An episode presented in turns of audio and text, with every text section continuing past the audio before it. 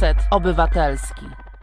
Witam Was bardzo serdecznie. Tutaj była taka plansza, kto jest producentem naszego programu. Mamy taki program, mm, taką możliwość, żeby ktoś z Was został producentem. W tym kontekście zapraszam Was, żebyście pomagali nam, żebyście wpłacali składki czy w, wsparcie na zrzutce jest nasza reklama i właśnie tutaj można taką możliwość, tu Bożena Breczko, brawo, Michał Gołębiewski, właśnie Pan Michał Gołębiewski jest producentem mojego programu, więc bardzo Panu Michałowi e, dziękuję. Mm, no i zachęcam Was, żebyście właśnie na tej zrzutce nam e, wspomagali, dzięki temu możemy e, nadawać, e, więc raz jeszcze dziękuję i zachęcam do pomocy. Tutaj widzę właśnie jest teraz na ekranie zrzutka na działalność resetu, zrzutka.pl, łamane na Z, łamane na reset obywatelski. Kilka spraw, dzisiaj będę mówił o tarczach. Na początek jednak chciałem raz jeszcze bardzo gorąco do Was zaapelować o to, żebyście uważali na koronawirusa, żebyście się szczepili. Ja byłem chory, teraz moja mama jest chora i to jeszcze tak ciężko, więc jest mi smutno. E, no ale się szczepcie w każdym razie, uważajcie na swoich bliskich e, i bardzo nie lubię głosów e, tak zwanych koronasceptyków. Wcześniej mnie to strasznie denerwowało i cały czas mnie to teraz również osobiście dodatkowo jeszcze denerwuje razy cztery, a niestety tych głosów jest dużo. Na dodatek jeszcze rząd szczepi bardzo, bardzo niedbale. E, bardzo selektywnie, bardzo wolno przede wszystkim i tak naprawdę cały czas nie ma planu e, szczepień. Bardzo mnie denerwuje to, że rząd dobiera sobie też te grupy szczepień na zasadach arbitralnych, tak naprawdę bardzo oburzających. Nie wiem, czy słyszeliście o tym. E, jest tak, że w pierwszej grupie mają być agenci CBA CBA, agenci CBA i prokuratury. Jeszcze mogę zrozumieć niektórych prokuratorów, którzy przesłuchują ludzi, mm, czy nie wiem, jakieś sekcje zwłok, no to jest bezpośredni kontakt, no ale agenci CBA to chyba chodzi o to, żeby, nie wiem, o 6 rano móc wkraczać jakoś bardzo odważnie, jeśli nie zarazić koronawirusem.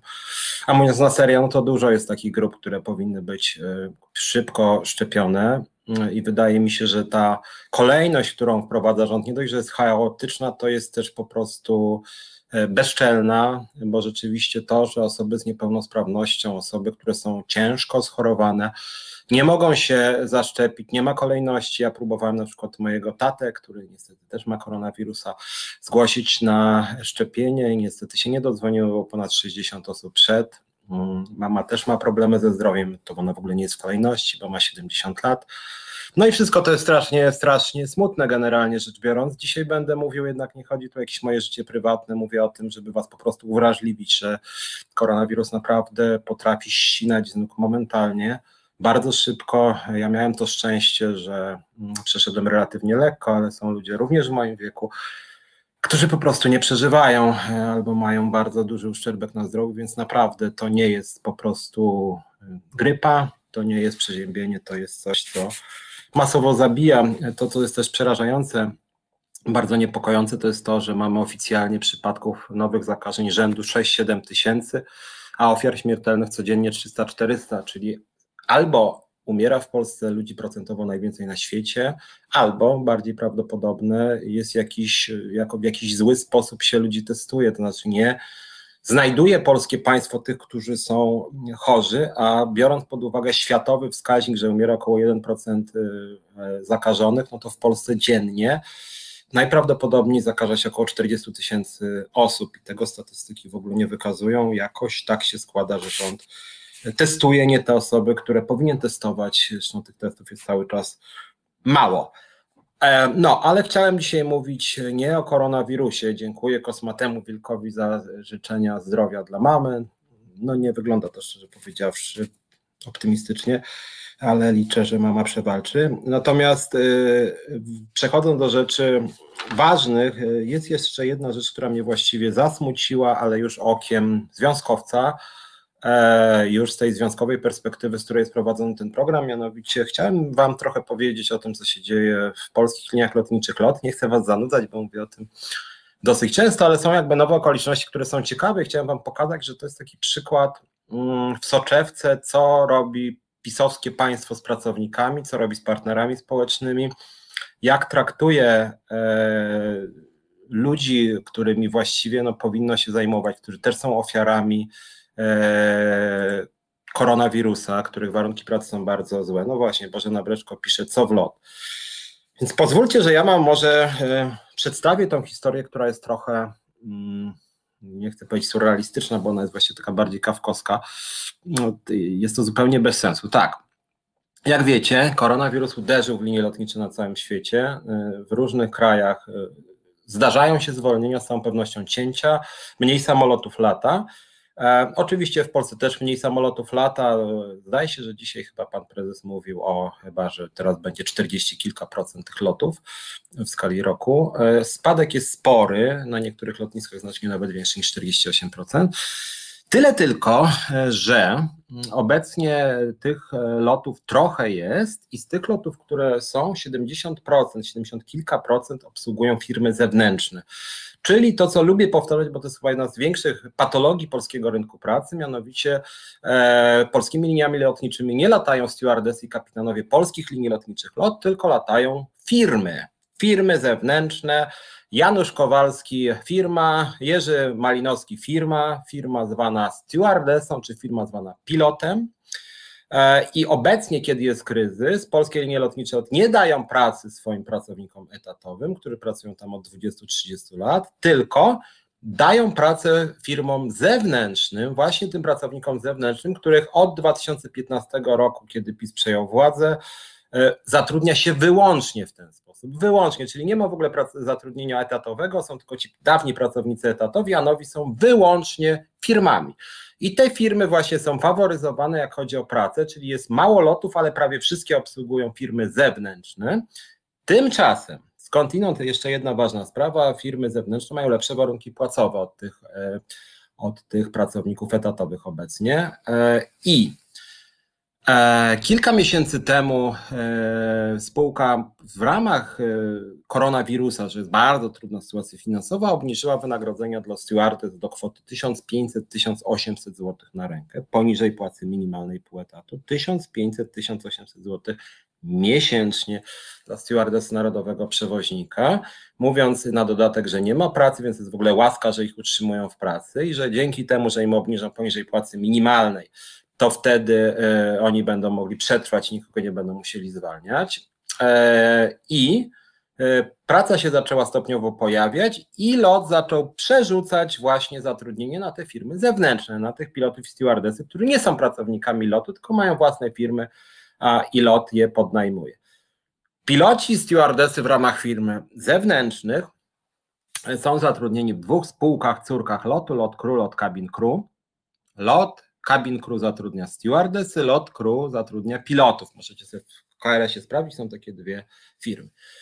E, lot Crew, spółka zatrudniająca pilotów, może jeszcze jedna uwaga, to są agencje zatrudnienia. To znaczy jedyną działalnością Lot Crew, Lot Cabin Crew jest to, że one rejestrują stewardesy i pilotów. Jedno stewardesy, drugie pilotów, czyli rejestrują firmy, które latają dla lotu. Kapitał zakładowy w 100% pochodzi od lotu. Tak? Lot płaci spółce Lot Crew, a ta wypłaca firma, firma, Lot Crew płaci pilotowi Janusz Kowalski. Tak, jak Państwo lecicie, wylecicie samolotami lotu, to stewardesa bardzo często jest y, firmą Anna Kowalska, a pilot jest firmą y, Janina Lewandowska.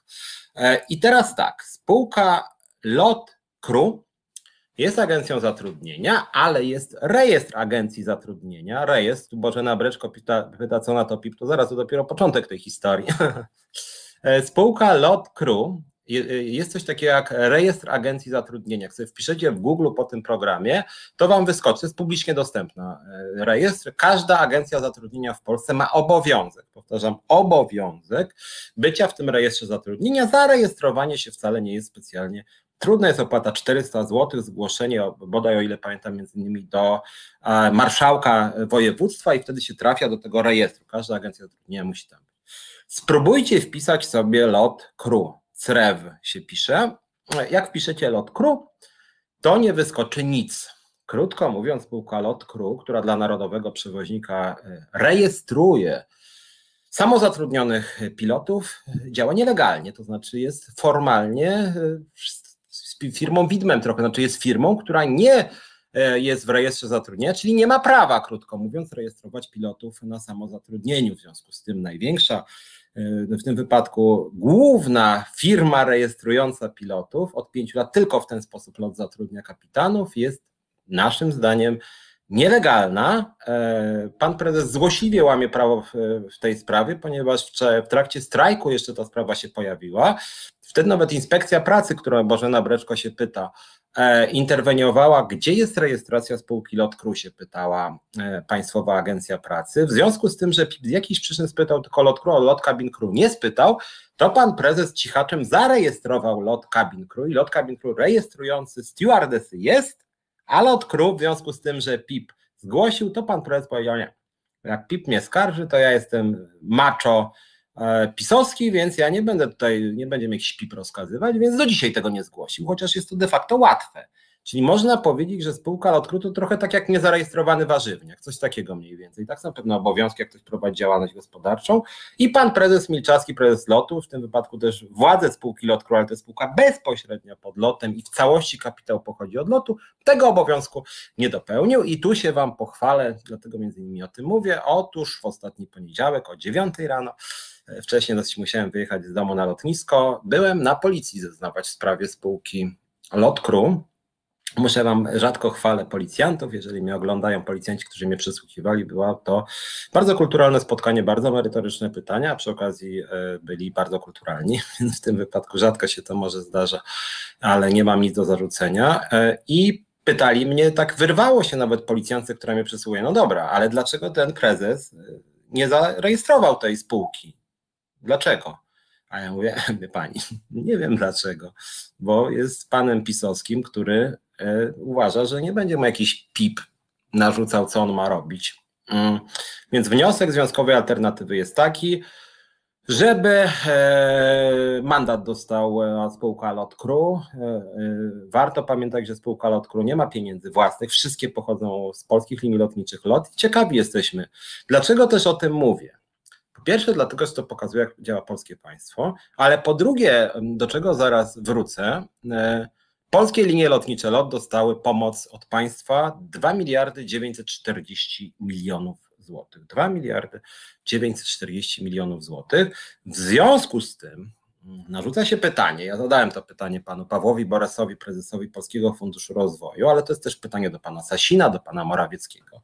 Jak to jest możliwe, e, że firma, która Najprawdopodobniej działa niezgodnie z prawem, a przynajmniej jest wobec niej postępowanie prowadzone odnośnie wykroczenia. I do takiego wykroczenia, oczywiście to wszystko decydują sądy, prokuratura, policja, są odpowiednie służby, ale tak mówiąc kolokwialnie, na oko jest łamane prawo. Czy PFR, udzielając pożyczki 2 miliardy 940 milionów, badał, czy polskie linie lotnicze działają zgodnie z prawem?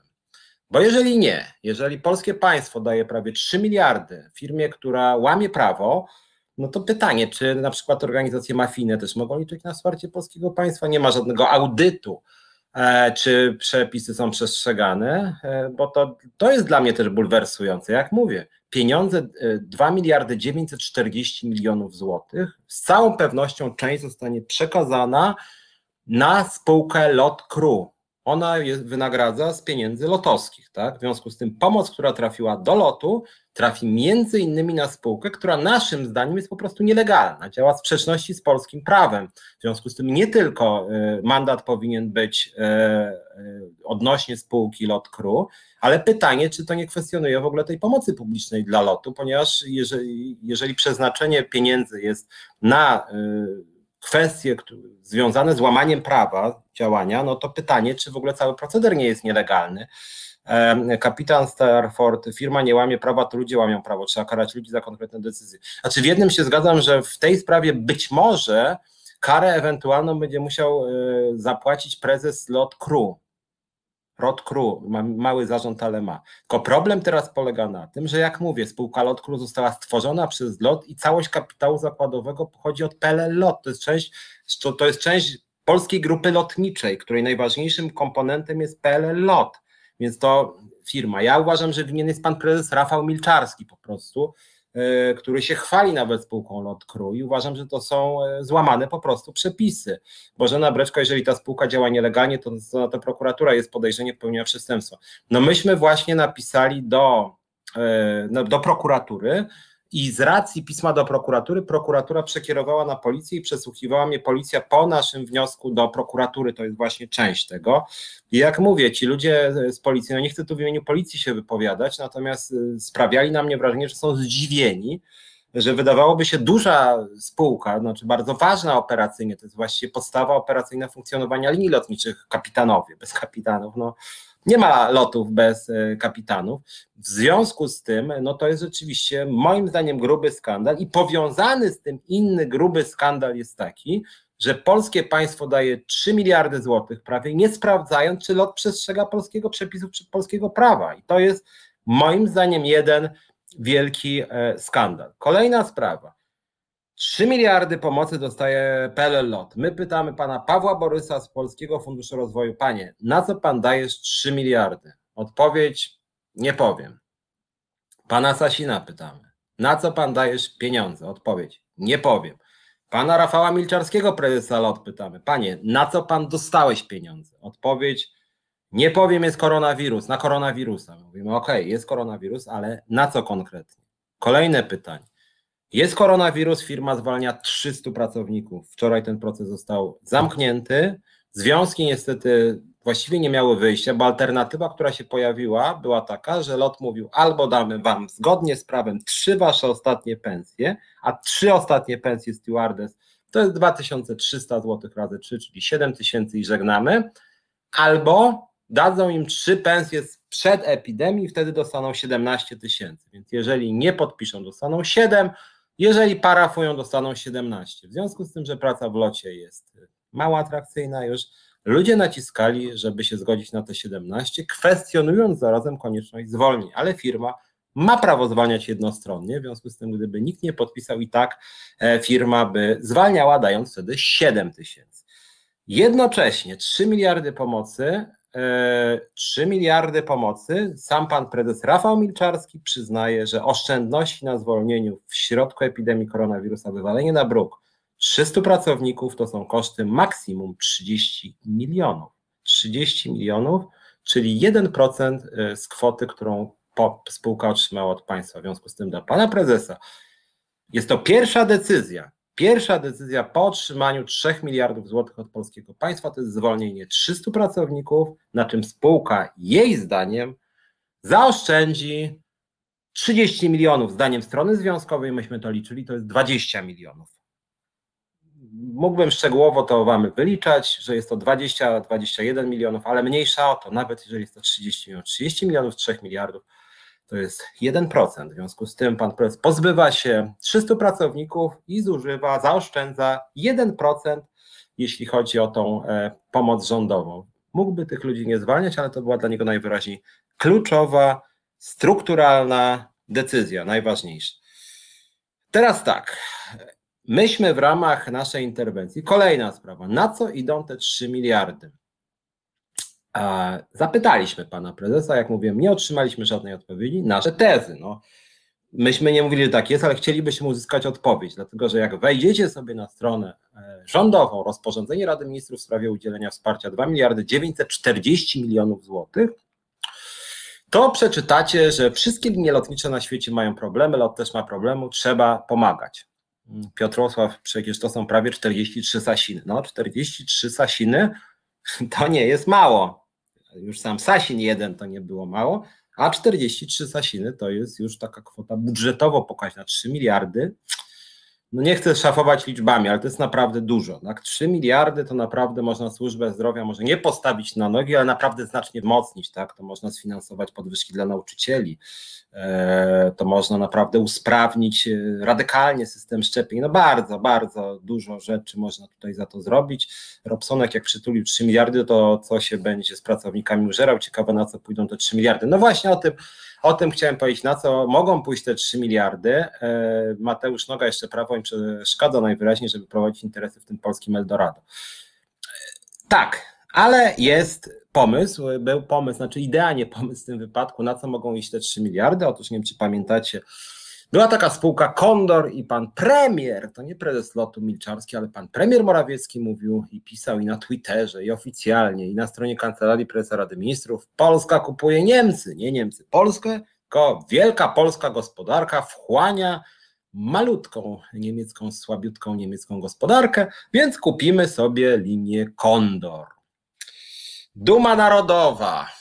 Wiadomo, no, narodowe wszystko jest w Polsce, a już kupienie niemieckiego przewoźnika przez Polskę, no to taka duma narodowa, więc wszyscy prężą muskuły, e, ale się okazało, że nie doszło do transakcji, bo się lot wycofał. Mm, chwalił się pan prezes wtedy Milczarski, że sytuacja finansowa lotu jest tak fantastyczna, że może sobie pozwolić na kupno wielkiego kondora niemieckiego. Ale coś podpisano. Jeżeli coś się podpisuje, to być może coś trzeba później płacić w ramach e, odszkodowań no bo coś się obiecuje, spółka się na coś przygotowuje, później się ktoś wycofuje, płaci się kary. W związku z tym być może polskie linie lotnicze lot będą musiały płacić kary. Te kary nie mają związku z koronawirusem, tylko z dziwnym pomysłem jakichś mocarstwowych snów, żeby kupować sobie kondora. E, no i właśnie o to też pytaliśmy, oczywiście również bez odpowiedzi. I drugie pytanie jest coś takiego jak hub w Budapeszcie, w związku z tym, że my kochamy Wiktora Orbana, to polskie linie lotnicze LOT postanowiły zaszaleć i zrobić sobie hub w Budapeszcie już dosyć dawno temu. I problem jest taki, że z informacji, które do nas docierają, wynika, że ten hub w Budapeszcie ponosi potworne straty. Hmm, po co to zrobiono? Po co ten hub powstał? Nie wiadomo, o tym wie pan prezes Milczarski, może pan premier Morawiecki i może to kosztować bardzo, bardzo dużo pieniędzy. Być może były jakieś długi w tej sprawie. Pan prezes Milczarski, który sprowokował w 2018 strajk w locie, ja mówię sprowokował, dlatego że przyczyną e, strajku bezpośrednią było to, że została zwolniona dyscyplinarnie liderka e, ówczesna Związku Zawodowego Personelu Pokładowego i Lotniczego Monika Żelazik, obecna wiceliderka Związkowej Alternatywy. E, Monika Żelazik e, i ten strajk był w solidarności ze zwolnioną dyscyplinarnie liderką związku. Strajk kosztował naszym zdaniem polskie linie lotnicze lot około 100 milionów złotych.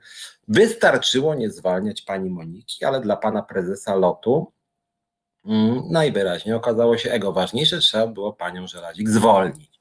Stracił na to naszym zdaniem ponad 100 milionów, ale pan prezes twierdzi, że nie, tam strajk, no machnięcie ręką to w ogóle nic nie kosztowało lotu, on nas wręcz zmasakrował, co prawda został odsunięty od rozmów i stewardessy dostały wtedy podwyżki, cofnął pozwy, również wobec mojej skromnej osoby. E, wszyscy wrócili do pracy, nagany też cofnął, no ale on twierdzi, że to w ogóle dla firmy nie było ważne finansowo, a tu nagle się okazuje, że jest potrzeba 3 miliardów złotych. Więc nie wiemy, krótko mówiąc, o co chodzi z tymi trzema miliardami złotych. E, teraz tak patrzę, co piszecie. Bożena Breczko, czy jakaś interwencja poselska w ramach dostępności informacji publicznej by nie pomogła.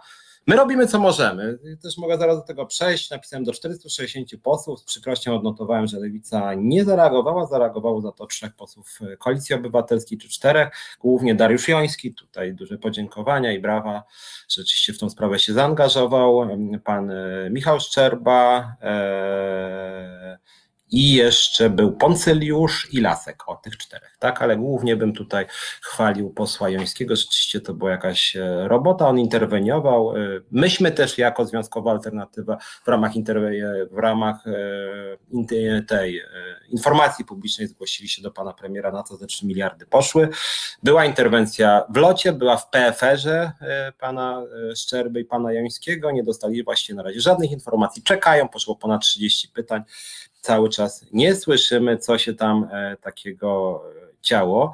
Mateusz Noga będą jeść te pieniądze, Michał Nowak na pensję dla zarządu kasa musi być. Dzisiaj było pytanie do prezesa Milczarskiego, e, czy dostał nagrody.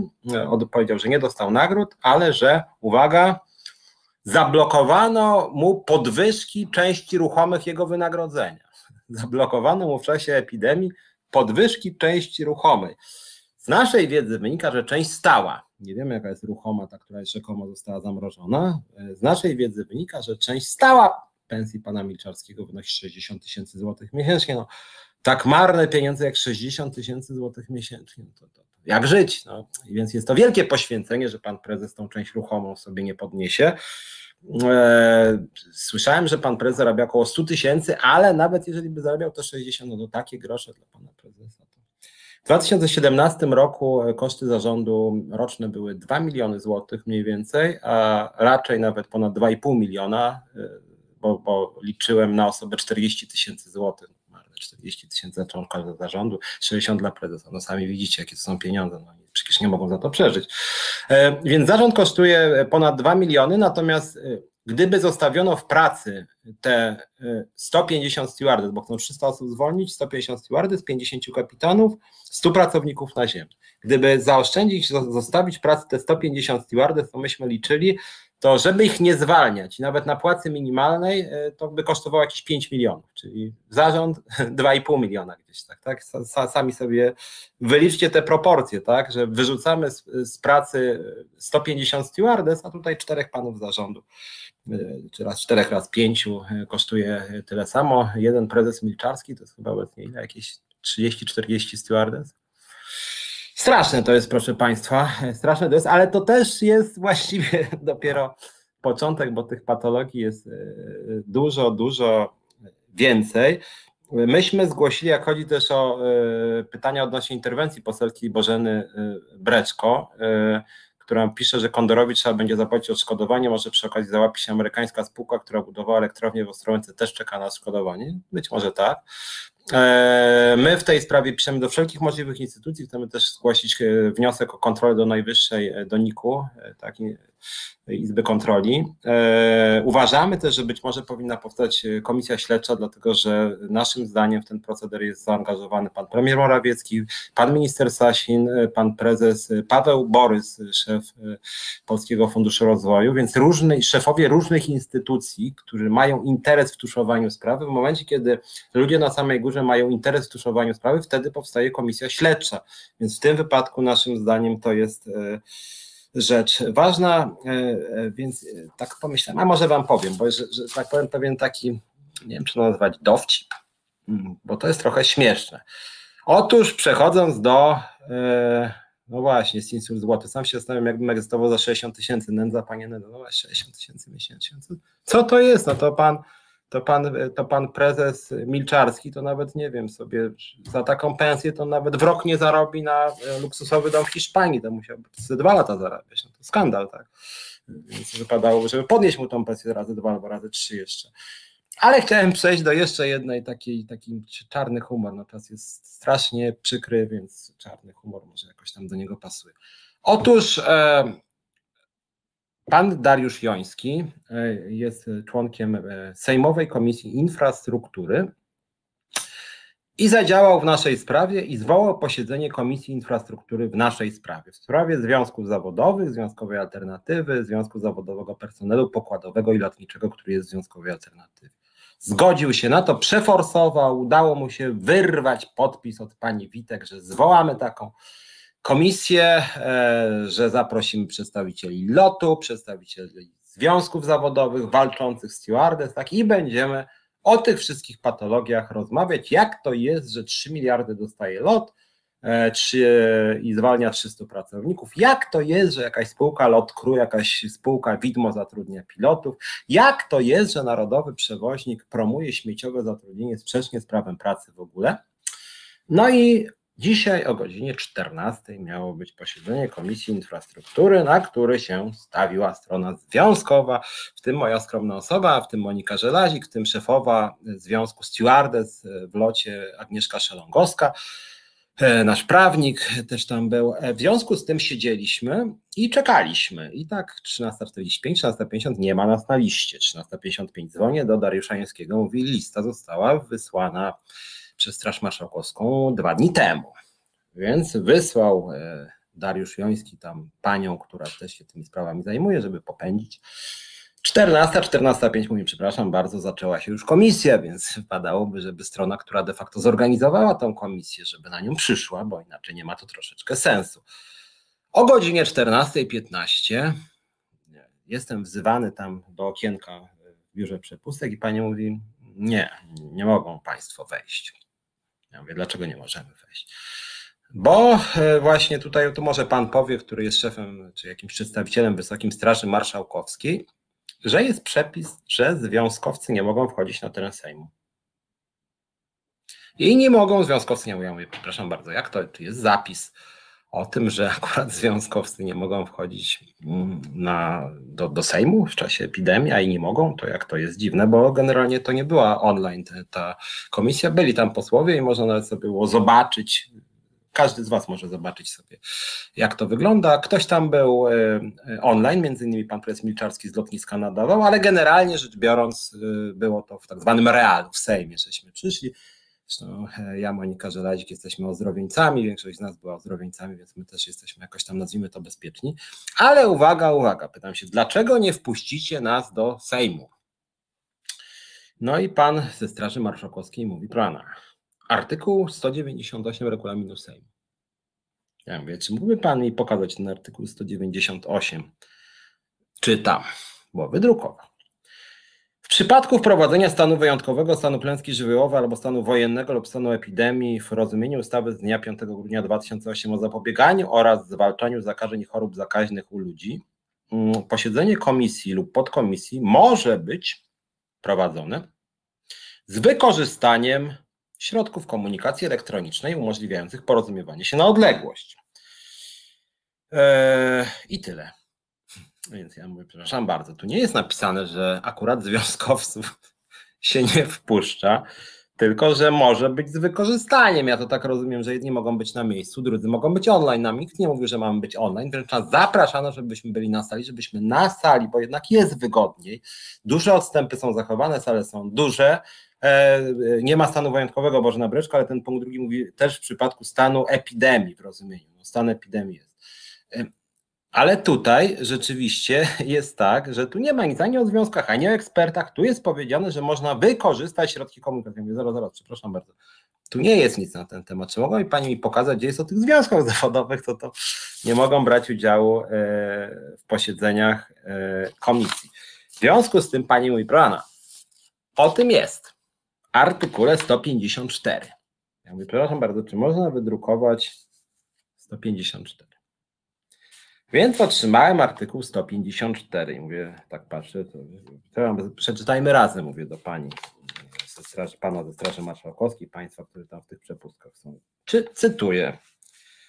W posiedzeniach komisji, w tym również zamkniętych, mogą uczestniczyć posłowie nie będący członkami, mogą zabierać głos w dyskusji, składać wnioski. Ale później, do udziału osób yy, mają zastosowanie przepisy później kto może spoza posłów uczestniczyć. I punkt trzeci, ten mi punkt też wskazał. Punkt trzeci artykułu 154 regulaminu Sejmu. W posiedzeniu komisji na zaproszenie prezydium komisji lub jej przewodniczącego, my zostaliśmy zaproszeni na zaproszenie przewodniczącego komisji pana Olszewskiego z Koalicji Obywatelskiej.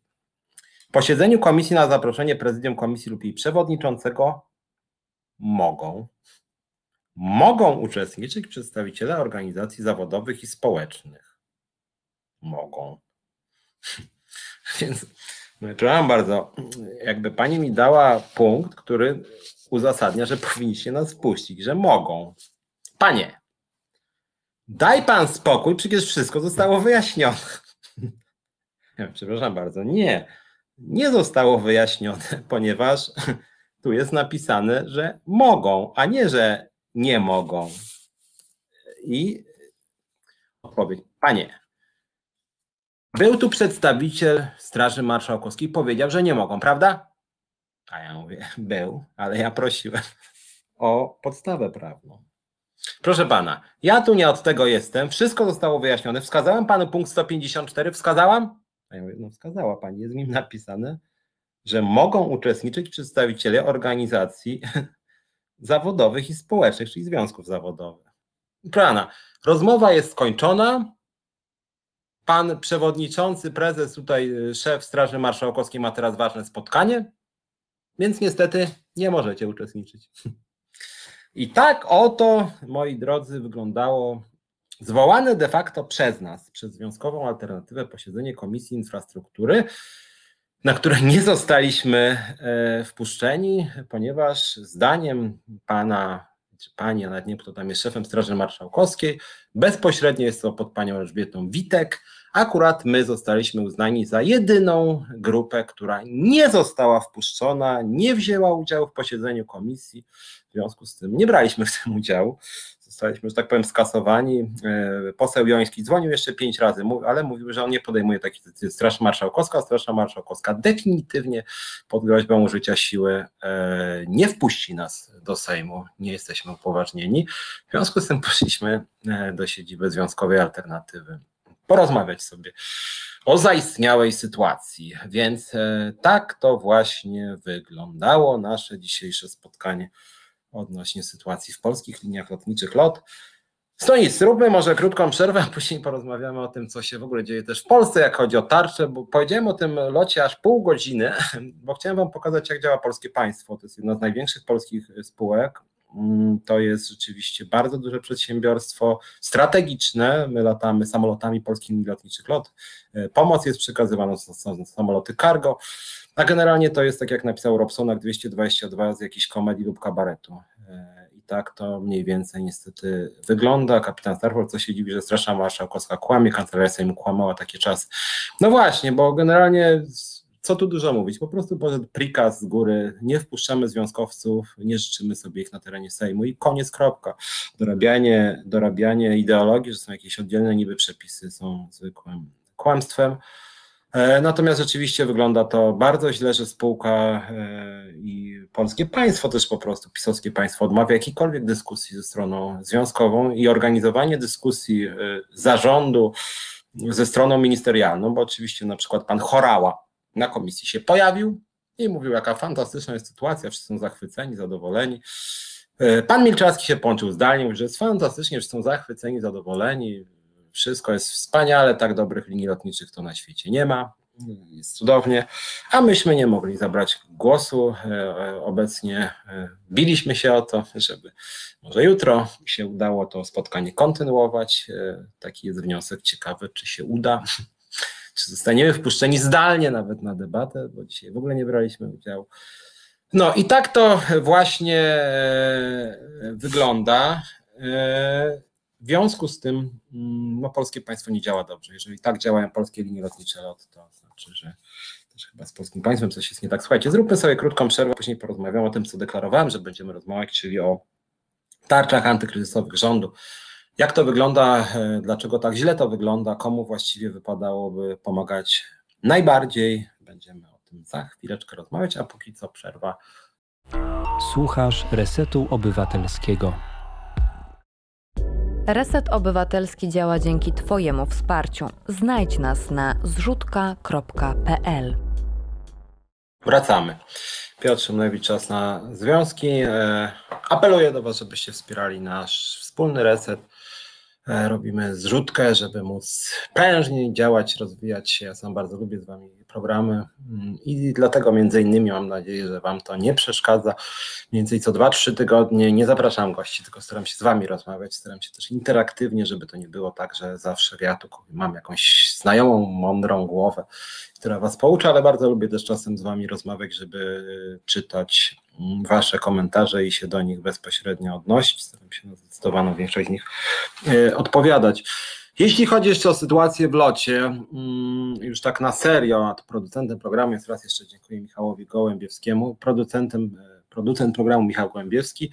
E, to, co mnie bulwersuje, jeżeli chodzi o sytuację w polskich liniach lotniczych LOT, to jest po prostu bezprawie i Gdybym był, pojawił się w Polsce ni stąd, ni zowąd i na przykład mieszkał za granicą lat kilkanaście, to byłbym przerażony tym, że w Polsce bezprawie uchodzi tak jakoś bardzo lekko, bardzo łatwo i właściwie mało kto przeciwko niemu protestuje i to jest chyba jednak jakiś patent e, Prawa i Sprawiedliwości. Zarządów PO bywało różnie i też było mnóstwo patologii, szczególnie na rynku pracy, też były umowy śmieciowe, kiedy płacono e, kilka złotych e, za godzinę. Mm. Natomiast ja mam wrażenie, że różnica jest taka, że wtedy trochę było, że tak powiem, wstydu wokół bezprawia, czyli jeżeli jakiś tam ktoś, nie wiem, sprawa Nowaka z zegarkiem, no to była afera, on się musiał tłumaczyć, wszyscy przepraszali, a teraz są grube przewały na kwoty razy 150 i jest duma narodowa. Tak? Tu jakieś przewały na respiratorach, nie, no świetnie w ogóle pracowaliśmy. Tutaj 70 milionów na wybory, które się nie odbyły. No fantastycznie po prostu, wszystko jest w najlepszym porządku. Jakieś 3 miliardy dla lotu, no mniejsza, otóż no może nawet prawo łamią, ale co z tego? No dobre, 3 miliardy dajemy, no to są, panie. Nie wpuszczamy związkowców do Sejmu. Jaka jest podstawa prawna? Panie, nie kłóć się pan. Po co to? I to jest właśnie podejście pisowskiego państwa. Właściwie każdy z tych przypadków, to nie wejście do Sejmu no jest drobiazgiem oczywiście na tle tamtych spraw, które są grube, no ale też to jest jakaś bezczelna samowola. Przecież ktoś właściwie powinien polecieć po tym dzisiejszym dniu. Ktoś sobie wydaje jakieś samowolne decyzje, że sobie nie wpuści, jakiś pan ze Straży Sejmowej, to przecież powinien być, żegnamy się z panem, jakby radykalne naruszenie obowiązków. Co pan sobie w ogóle wyobraża? Co to w ogóle jest? Co to jakiś folwark jest jakiegoś kogoś ze Straży Marszałkowskiej? Jeżeli to nie jest folwark, to w takim razie decyzję podjęła pani Witek albo ktoś tak, to powinien się gęsto tłumaczyć. A po prostu mam wrażenie, że tak przywykliśmy do tych y, standardów pisowskiego państwa, które niekiedy są po prostu przestępcze, nielegalne, jakieś samowolne, jakieś bezczelne, że, że jakby to już tak, tak uchodzi, tak, że już nawet, nawet liberalne media czy lewicowe już tak się tym bardzo nie obruszają. No dobra, no w sumie po raz 689 złamali procedury, po raz 333 złamali prawo, 258 nominat pisowski właśnie powinien siedzieć w więzieniu, ale nie siedzi, bo Ziobro jest szefem prokuratury. No dobra, no trudno. No trochę tak to wygląda w gruncie rzeczy, bo nie mówiłem jeszcze o jednej sprawie w locie, właśnie tak naprawdę najważniejszej. Eee, ponad dwa razy tyle, czy mniej więcej dwa razy tyle stewardess y, w locie, co stewardess etatowych, to są stewardessy w ramach kontraktów na samozatrudnienie. Z pilotami jest podobnie. Jest kodeks pracy, jest coś takiego jak kodeks pracy. Zgodnie z kodeksem pracy, jak jest miejsce pracy, czas pracy, podległość służbowa, to musi być etat. Musi być etat, tak jest w kodeksie pracy. Ja to bardzo lubię powtarzać czasem, ale do znudzenia, że nawet jak się, nie wiem, jestem strasznie niewyspany, czy nie wiem, źle się czuję, nie wiem, nietrzeźwy mógłbym być i tak bym znał 22 artykuł kodeksu pracy. Zgodnie z artykułem 22 kodeksu pracy, miejsce pracy, czas pracy, podległość służbowa musi być etat niezależnie od woli stron. Bardzo ostro to jest w polskim prawie. Niezależnie od woli stron. Czyli jeżeli nawet restauracji pracownik i pracodawca będą chcieli, żeby była śmieciówka, jedna i druga strona, że nie etat, tylko zlecenie, nie wolno. Zgodnie z polskim prawem. Może się to nie podobać, ale tak jest. Zgodnie. Kosmaty Wilk pyta, czy nikt nie drąży tematu tych przekrętów. Drąży. Niektórzy drążą. Nawet my drążymy, jak chodzi o. O tym właśnie dzisiaj Wam mówiłem. Taka krótka historia PLL lot. Tylko właśnie problem, kiedyś wam mówiłem inną historię y, sportami lotniczymi, co pan prezes Szpikowski włamał się do swojego zastępcy, żeby zabrać mu egzemplarz obciążających go materiałów z Urzędu Lotnictwa Cywilnego, po czym CBA się włamało do Urzędu Lotnictwa Cywilnego, żeby zabrać wszystko, co obciąża pana prezesa Szpikowskiego. Tak było. Tak było w portach lotniczych. No i co? TVN zrobił o tym materiał, jest pozwany chyba na 2 miliony, ja jestem pozwany na milion. Onet chyba jest pozwany na milion, tak? Chociaż ewidentne to są fakty. No. Po prostu z Urzędu Lotnictwa Cywilnego znikły papiery obciążające pana prezesa Szpikowskiego. Pan Szpikowski, co ciekawe, przestał być prezesem, więc kto wie, może sprawa zostanie ruszona. No ale tak działa to państwo. W związku z tym pytanie, czy nikt nie drąży? Drąży. No jak chodzi o respiratory, tutaj też szacunek dla, dla pana Szczerby Czyjońskiego. Oni na przykład drążą to rzeczywiście, nagłosili, pokazali. No w gruncie rzeczy po tym, co oni pokazali, to powinien być koniec PiSu koniec PiSu. Po prostu cały rząd podaje się do dymisji i PiS powinien mieć poparcie pół procenta. Takich jakichś lewych przekręciarzy mogło popierać te pół procenta, albo jakichś dziwnych ludzi. No i co? Przekręty wyszły, nikt nie poniósł żadnej odpowiedzialności, żadnej. Nikt nie został przesłuchany przez prokuraturę, bo PiS jest na tyle bezczelny, że nawet nie dopuszcza do przesłuchania w sprawie, nie mówię przeciwko, w sprawie. Nawet się jako świadków nie zapraszają. Bo pan Kaczyński bo pan Szumowski, bo pan Sasin, oni by się źle poczuli jakby prokuratura. No jak to tak można przesłuchiwać Sasina czy Szumowskiego? No nie, nie ma zgody. Ziobro nie zaprosi, bo jakby jeszcze zaprosił przesłuchanie Sasina, to by się koalicja im rozpadła. Bo przecież Sasin się poczuł niekomfortowo, źle by się poczuł, może głowa by go rozbolała, nie wiem, albo Szumowski by, nie wiem, później nie mógł spać. W związku z tym oni nawet nie przesłuchują swoich ludzi. Właśnie jak kosmaty wszyscy wiedzą o tych przekrętach, jawne przekręty, dokładnie tak jawne przekręty. Jak, że tak powiem, w mordę strzelił, jak to się mówi.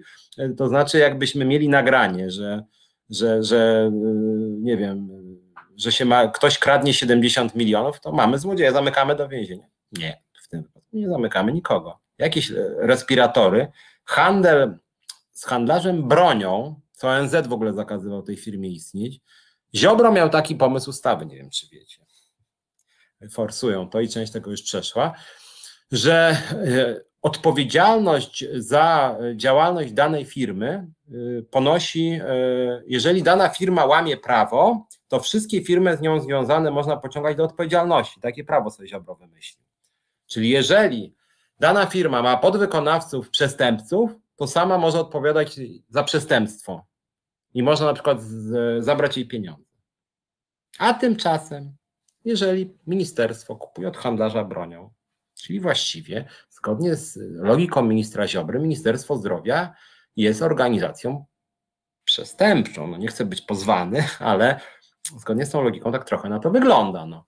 Jeżeli Lot Crew jest spółką córką PLL Lot i jest nieraz zarejestrowaną agencją zatrudnienia, no to jakby zgodnie z tą logiką odpowiada za to LOT. Zresztą tu jest bezpośrednio, to nie jest outsourcing nawet, to jest po prostu spółka, córka, jakby kasę ma od lotu. No i co? I nic.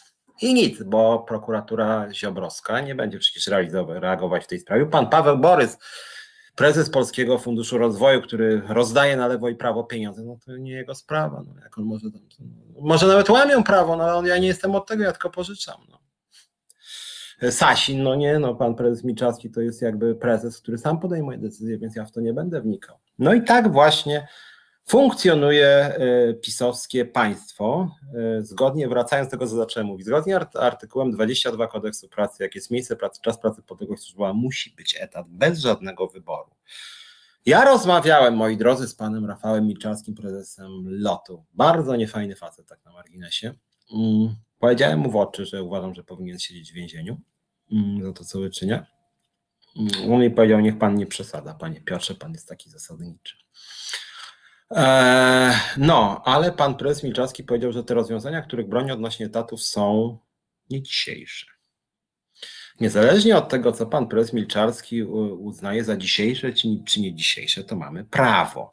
Równie dobrze złodziej napadający na bank mógł powiedzieć, no sorry, napadłem na ten bank, co prawda jest to sprzeczne z obowiązującym prawem, ale to prawo jest nie dzisiejsze, no bo w końcu napaść, nie wiem, pobiłem kogoś, no jest to niezgodne z prawem, ale, no ale w sumie to zakaz bicia ludzi no jest taki nie dzisiejszy, tak, więc właściwie dlaczego miałbym tego prawa nie łamać? No i pan prezes Milczarski uważa, że przerzucanie pracowników na samozatrudnienie, gdy są wszystkie warunki etatu, jemu wolno, bo to jest nie dzisiejsze, z tego, że jest zapis kodeksu pracy konkretny.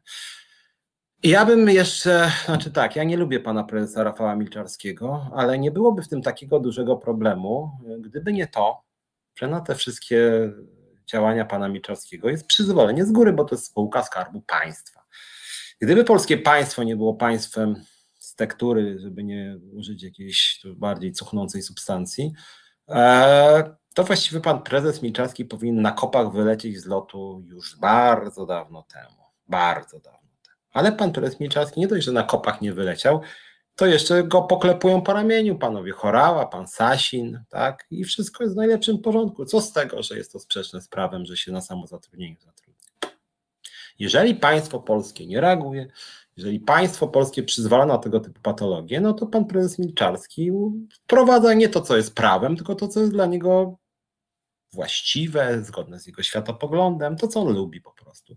A że on lubi B2B, sam jest pewnie na B2B, tylko takim B2B 60 tysięcy plus, no to tak to funkcjonuje. W związku z tym wydaje mi się, że tutaj rzeczywiście, e, rzeczywiście mamy do czynienia z radykalnym bezprawiem. Hmm, tutaj czytam, że ludzie e, łamią prawo, kapitan Statford. No, znaczy ja w ogóle bym powiedział, e, że łamie prawo, tylko że niech on łamie sobie prawo, tylko niech za to odpowiada później. I problem jest, e, że nie odpowiada, że jest zupełnie bezkarny i jeszcze jest z tego dumny, że on łamie to prawo. I na to nikt nie reaguje i nawet na tej komisji sejmowej, której nas dzisiaj jako strony związkowej nie było, trochę sobie oglądaliśmy, co tam się działo, to pan prezes Pras mówił B2B, to ja nie będę dyskryminował nikogo w zależności od formy zatrudnienia. Nie będę dyskryminował, czyli odwraca kota ogonem. To znaczy, równie dobrze mógłby na czarno zatrudnić. Powiedział, no nie, ja nie dyskryminuję tych na czarno. Ja nie dyskryminuję tych, którym płacę pod stołem. To, to, to znaczy, to ręce trochę opadają. On właściwie powinien w tym momencie, słuchając go, odpowiedni minister powinien powiedzieć, pana, jest już wniosek do Rady Nadzorczej o odwołanie pana ze stanowiska. Przecież to jest jeden wielki skandal. Kosmaty Wilk mówi, że lotnie musi dbać o swoją reputację. Znaczy to, to, znaczy to nie jest takie proste, bo musi. Znaczy linia lotnicza powinna mieć dobrą reputację, tylko to jest też jakieś moje oskarżenie pod adresem też polskich mediów. Reset Obywatelski tu się akurat wyróżnia, mm, że mam pełną swobodę, e, co mogę mówić. Umówiłem się, że będę mówił głównie o tematyce związkowej i o niej mówię. Natomiast media aż tak się tymi patologiami nie interesują. Jakbyście sobie wpisali PLL LOT teraz w Google, to byłby główny news, że jest porozumienie, dlatego że pan prezes wyrzucił 300 osób i podpisały związki. A związki podpisały, dlatego że prezes dał do wyboru albo dam na pożegnanie stewardessom 7 tysięcy, pożegnając się ze 150 z nich, albo dam 17 tysięcy. Jak nie przyjmiecie 17, to jutro wyrzucę z was siedmioma. Taka była jego alternatywa. A na dodatek jeszcze, bo o tym tutaj w tym moim prowadzeniu odnośnie bezprawia w locie nie mówiłem, główną negocjatorką po stronie polskich linii lotniczych LOT ze stroną związkową była pani Koncewicz. Pani Koncewicz, jakbyście sobie wpisali w KRS-ie, tam jest taki, można sobie wpisać, kto jest w zarządzie jakiej firmy. Pani Koncewicz czyli w zarządzie spółce LOT Cabin Crew. Jeżeli pamiętacie to, co mówiłem w pierwszej części programu, LOT Cabin Crew to jest spółka córka PLL LOT, ta zarejestrowana jako agencja zatrudnienia, która rejestruje stewardess jako firmę. Pani Koncewicz jest w zarządzie spółki LOT Cabin Crew, która zajmuje się rejestrowaniem stewardess na samozatrudnienie. I ona, ona była główną negocjatorką lotu PLL LOT, nie LOT Cabin Crew, tylko LOT, ze związkami zawodowymi i ona dążyła do masowych zwolnień pracowników etatowych. Nie wszyscy znacie pewnie pojęcie konfliktu interesów, ale tak na oko. Pani, która zajmuje się zatrudnianiem śmieciowo, promowaniem kontraktów, odchodzeniem od etatowego zatrudnienia jest głównym negocjatorem PLL LOT z pracownikami etatowymi. Jak myślicie, czy pani, która jest w zarządzie firmy, która rejestruje samozatrudnionych, będzie bronić etatowców czy samozatrudnionych? Otóż pani ta będzie dążyć do na jak największych zwolnień pracowników etatowych. Taki jest jej interes, taka jest jej rola. Powinna być natychmiast odsunięta od rozmów, znaczy nie powinna być w ogóle nigdy do nich dopuszczona. No i co? I nic.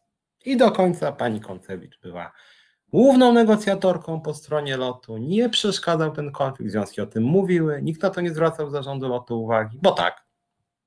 Pytanie, dlaczego panie prezesie? Bo tak. Bo tak mi się żywnie podoba. E, I tak to właśnie wygląda, że oni nawet jak chodzi o takie wydawałoby się drobiazgi, bo mogli jakiegoś negocjatora z wnętrza, mogli nawet wynająć, to wzięli akurat panią, która jest w zarządzie firmy uśmieciawiającej lot. Musieli jakby taki pokaz jeszcze siły, że oni są tak bezprawni, są tak w siebie wpatrzeni, są tak bezczelni, że jeszcze akurat wybiorą taką panią, chociaż mają miliony, żeby, żeby inne panie czy panów sobie wybrać do negocjacji, to akurat musieli dać pokaz, że śmieciówki to jest wow, ich specjalność i oni będą zatrudniać śmieciowo, nawet jak to jest sprzeczne z kodeksem pracy, bo kto im co pokaże, tak? No i tak to właśnie wygląda. Mówię o tym, że to zatrudnienie śmieciowe jest częścią polskiego państwa i mówię to w kontekście mm, tematyki dzisiejszego programu, czyli tych tarczy, o których jest tak dużo ostatnio się mówi. Rząd mówi, że uruchamia kolejne tarcze, więc ja mam taką propozycję już na początek, nawet w kontekście tego, co mówiłem w locie. Po pierwsze, nie likwidujmy miejsc pracy, a już szczególnie nie likwidujmy ich tam, gdzie możemy ich nie likwidować. Jeżeli firma dostaje 3 miliardy złotych, to nie musi e, zwalniać 300 ludzi, oszczędzając 30 milionów. Po drugie, jeżeli mamy artykuł 22 kodeksu pracy, który mówi, że jak są, e, jest miejsce, czas pracy, podległość służba, to musi być etat, to to promujmy etaty w takich sytuacjach, a nawet nie tyle promujmy etaty, co jeżeli w takiej sytuacji etatów nie ma, to wlepiajmy mandaty i kary i uruchamiajmy postępowania sądowe, a jeżeli w spółkach Skarbu Państwa się takie rzeczy dzieją, że tam, gdzie powinien być etat, nie ma go, to dymisjonujmy prezesów i oczywiście przestrzegajmy prawa tak właśnie yy, moim zdaniem to powinno wyglądać. Kamil Kamiński mnie pyta, co sądzę o otwierających się restauracjach, siłowniach wkrótce. O tym właśnie chciałem teraz już za chwileczkę powiedzieć i o tym miała być mowa, tylko chciałem takie, po pierwsze o locie chciałem trochę powiedzieć i to jest też takie długie dosyć wprowadzenie do tego, co wam chciałem mówić o tym, jak moim zdaniem powinny tarcze wyglądać. Więc po pierwsze tarcze powinny wyglądać tak, że powinno się likwidować yy, nielegalne formy zatrudnienia, niezależnie od kryzysu, ale w czasie kryzysu to jest ważne, dlatego że w czasie kryzysu, jeżeli ktoś ma etat, to jednak ma praw więcej, więc troszczmy się o etaty i przekierowujmy gospodarkę tak, żeby ludzie mieli e, umowy etatowe, to naprawdę pomoże wielu ludzi w walce z kryzysem, to im ich uspokoi, będą mieli stabilniejszą sytuację, więc jeżeli e, jest taka możliwość, to zachowujemy etaty. W PLLOT jest taka możliwość, więc po pierwsze zachowujmy etaty, a po drugie zamieniajmy nielegalne śmieciówki na etaty. I to powinien być jedna z podstaw programu pomocowego dla lotu. Państwo daje pieniądze lotowi na OK, da nawet 3 miliardy. I za te 3 miliardy e, polskie linie lotnicze lot powinny po pierwsze wypłacać co najmniej płacę minimalną, a nie robić jakiejś sztuczki z przerzuceniem na pół etatu, a po drugie przerzucać pracowników B2B na etaty. To znaczy zastępować śmieciówki etatami, a tymczasem jest zupełnie odwrotnie. I to jest moja rekomendacja nie tylko dla lotu, ale w ogóle dla polskiej gospodarki. To znaczy, warto by wykorzystać epidemię koronawirusa do tego, żeby mm, ograniczać skalę zatrudnienia śmieciowego. Marta Hoppe, zakaz handlu jest bezprawny, więc powinni dawno e, otwierać. E, widzę, że już Was trochę ciągnie do tej dyskusji o tych biznesach. To dosyć głośna dyskusja, które się zamykają czy otwierają, więc za chwileczkę do tego przejdę. Natomiast ważne jest to, że, i to jest ciekawe, kolejne są dane o bezrobociu i z tych danych rządowych przynajmniej wynika, że bezrobocie cały czas rośnie dosyć wolno, przez kilka miesięcy w ogóle nie rosło. No i co się dzieje, bo jeżeli jesteście z dużego miasta, chociaż nie tylko z dużego miasta, to chyba widzicie, co się dzieje. To znaczy dzieje się to, że na naszych oczach zamyka się mnóstwo restauracji, kawiarni, e, mnóstwo różnych punktów, mnóstwo siłowni, różnych punktów usługowych, że po prostu bankrutują ludzie na masową skalę. Więc jak to możliwe, że bezrobocie rośnie tak wolno, tak? No nie jest to możliwe a moim zdaniem pisowskie państwo kłamie, ale GUS chyba nie tak bardzo, no to znaczy on jednak stara się zachować jakieś tam standardy. E, i e, moim zdaniem o to chodzi, że po prostu osoby, które tracą pracę nie rejestrują się ci ze śmieciówek, to znaczy jeżeli ktoś pracuje w restauracji, kawiarni, to są w 99% śmieciówki, e, różne dziwne umowy, zlecenia, dzieła, mieszanki, jakieś samozatrudnienia i ci ludzie nie zgłaszają się do urzędów pracy, bo im i tak by nie przysługiwał zasiłek dla bezrobotnych, tak? I tak. W związku z tym e, tutaj nie ma wzrostu bezrobocia, chociaż ludzie, mówię formalnie, chociaż ludzie tracą pracę, więc to a propos też e, tych uśmieciowionych branż. Natomiast moim zdaniem czas epidemii to powinien być czas zastępowania śmieciówek etatami. Również uzależnianie pomocy od zamiany śmieciówek na etaty. To też byłby bardzo ważny e, element pomocy. Jeżeli już państwo wydaje pieniądze, to powinno wydawać pieniądze w ten sposób, żeby naprawiać polski rynek pracy, tak? Że nawet, dobrze, wprowadźmy nawet abolicję dla pana Rafała Miczarskiego, niech on karnie sądowo nie odpowiada za to, że promował bezprawie przez lata, ale niech w momencie dostania pieniędzy natychmiast eliminuje wszystkie śmieciówki i zamienia je na etaty. I gdyby tak było, to moim zdaniem, to moim zdaniem rzeczywiście sytuacja mogłaby się nieco poprawić strukturalnie, tak? Tymczasem oczywiście nic takiego się nie dzieje, co więcej, zarządów PiSu miała być naprawa rynku pracy, jest pogorszenie rynku pracy. Cały czas rośnie skala umów śmieciowych. Między innymi w ciągu ostatniego, ostatnich kilku lat wzrosła bardzo skala samozatrudnionych, co się w locie dzieje. I na to PiS przyzwala i właśnie to jest strukturalne psucie rynku pracy, plus wzrosła też skala osób, które pracują wyłącznie na zleceniach i o dzieło, i oni też często teraz tracą pracę. W związku z tym, no, rzeczywiście to jest e, też moim zdaniem bardzo gruba patologia i taka tarcza z porządnego zdarzenia to powinna być tarcza, która rzeczywiście te miejsca pracy etatowe chroni i promuje zarazem. Jeśli chodzi o Wasze pytania dotyczące knajp, e, to ja proponuję, żebyśmy wszystko e, o tym porozmawiali chwilkę po przerwie, którą sobie teraz może zrobimy. Tylko przytoczę jeszcze cytat Anna Gryta, słusznie mówi wszystko dobrze, ale nie ma lewicy takiej prawdziwej prospołecznej. Bardzo jestem rozczarowany lewicą parlamentarną. Wczoraj taki krótki komentarz napisałem nawet dla portalu Strajkeł odnośnie propozycji lewicy parlamentarnej odnośnie kryzysu społeczno-gospodarczego. To są propozycje głównie dla przedsiębiorców i to są propozycje, które właściwie przelicytowują po prostu PiS. Tam nie ma moim zdaniem nic w zasadzie nowego. Mówi się o zwiększeniu pomocy dla przedsiębiorców, o wydłużeniu pomocy dla przedsiębiorców, o jakimś wsparciu finansowym typu zasiłek bezrobotny dla ludzi, którzy tracą pracę. Nic nie ma o tworzeniu nowych miejsc pracy i o aktywizacji gospodarki, więc tak wstępnie odpowiadając na te pytania odnośnie e, e, kawiarni, restauracji czy zakazu handlu, Moim zdaniem państwo powinno prowadzić politykę aktywizacji zawodowej.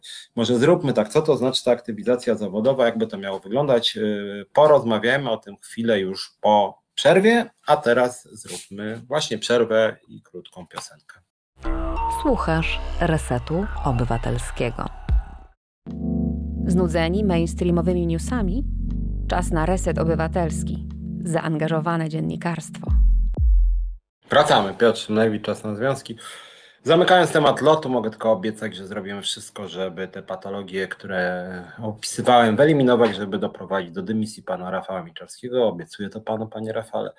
E, prezes e, portów lotniczych, pan Szpikowski, został zdymisjonowany jednak po pewnym czasie, więc myślę, że są szanse, że też pozbawię mi pracy pana prezesa Milczarskiego. E, natomiast wracając do e, kwestii aktywizacji zawodowej, której zacząłem mówić, Anna Gryta pisze aktywizacja zawodowa w Polsce, zapisz się na FAW10 kursów i szkoleń, które zapewnią kasę szkolącym bezrobotnemu, FAW10 dyplomów i może stać na kilka miesięcy tani pełnoetatowy pracownik.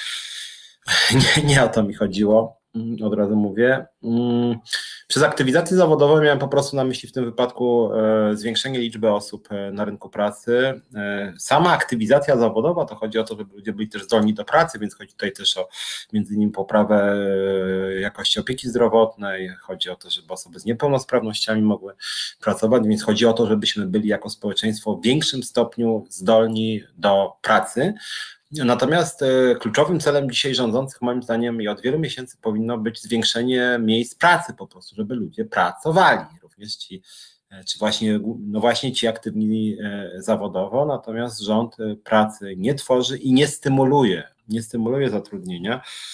I to, co mnie boli, to, co mnie boli też w tym programie Lewicy, o którym wspominałem, jest na stronie Lewicy, tam rekomendacje dotyczące rynku pracy, polityki społeczno-gospodarczej nie ma chyba ani jednego punktu, ani jednego punktu, który mówiłby o zwiększeniu liczby osób pracujących, o tworzeniu nowych miejsc pracy, czy o poprawianiu y, warunków pracy, po prostu poprawianiu warunków pracy. To, co jest dla nas, związkowców, mówię to jako lider związkowej alternatywy kluczowe, mm, to jest kwestia BHP na przykład, tak? bezpieczeństwo i higiena pracy, w ogóle kwestie bezpieczeństwa, Jaka by inspekcja pracy nie była, to ona teraz też przywiązuje główną wagę do bezpieczeństwa. Chodzi między innymi o to, aby ludzie się nie zakażali koronawirusem, aby mogli bezpiecznie pracować i za to powinno płacić państwo, więc ja już jakiś czas temu mówiłem, uważam, że to jest naprawdę dobry kierunek, że zamiast jakiegoś anulowania y, ZUS-ów, y, podatków, y, dosypywania firmom, jak chodzi na przykład o kawiarni i restauracje, może lepszym pomysłem byłoby, żeby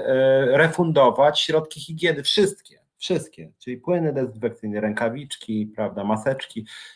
W dużych miejscach, w dużych sklepach, galeriach handlowych to są bardzo duże koszty. Większe koszty nawet niż koszty pracownicze, w związku z tym wydaje mi się, że to byłaby dobrze adresowana pomoc. Było po prostu bezpieczniej klientom i bezpieczniej pracownikom i wtedy można by moim zdaniem było, e, było szybciej otwierać te poszczególne e, punkty. Michał Nowak mówi, że aktywizacja w urzędach pracy jest kiepska, lepsze to niż nic. Urzędy pracy głównie służą tak naprawdę do kwestii związanych z migrantami, o których tutaj e, przedstawiciel e, Instytutu Praw e, Migrantów w tym programie sporo mówił i to bardzo dobrze, że, że, że taką robotę wykonują.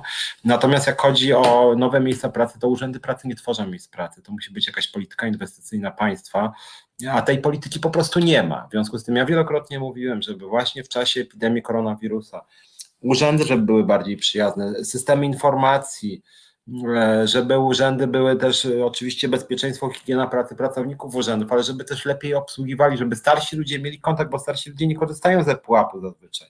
Oni się muszą kontaktować osobiście. Jeżeli mają być nawet linie telefoniczne, to nie może być tak jak z tym numerem 989 szczepienie koronawirusa, że jest 300 e, osób przede mną. No i co, 6 godzin ma starsza osoba trzymać, tak? 80-paroletnia, przecież to jest no, bez sensu.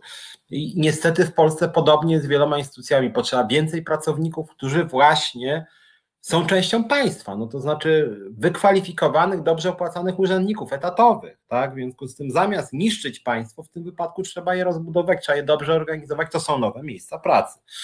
E, czy jeśli chodzi, pytanie było, czy otwierać e, kawiarnie, e, restauracje.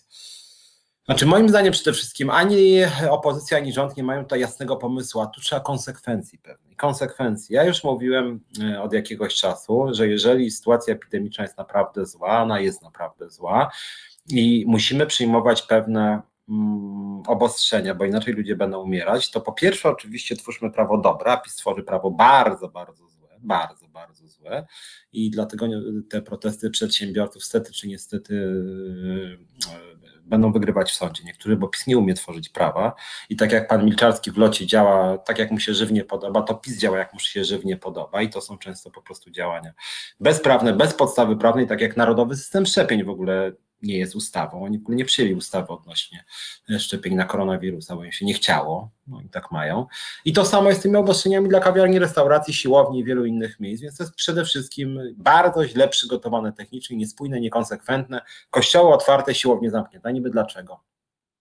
A dlaczego kościoły otwarte, nie wiem, a do kina nie można sobie pójść? No to jest zupełnie bez sensu.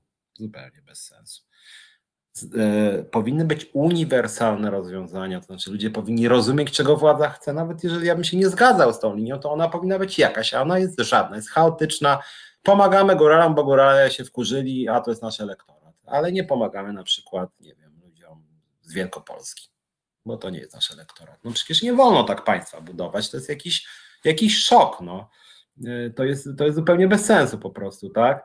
Eee, więc Anna Gryta, wystarczy przejrzeć ogłoszenia, chyba żadne ministerstwo nie wyrabia procentu zatrudnienia osób z niepełnosprawnością, przykład idzie z góry, lepiej płaci. No tak, no.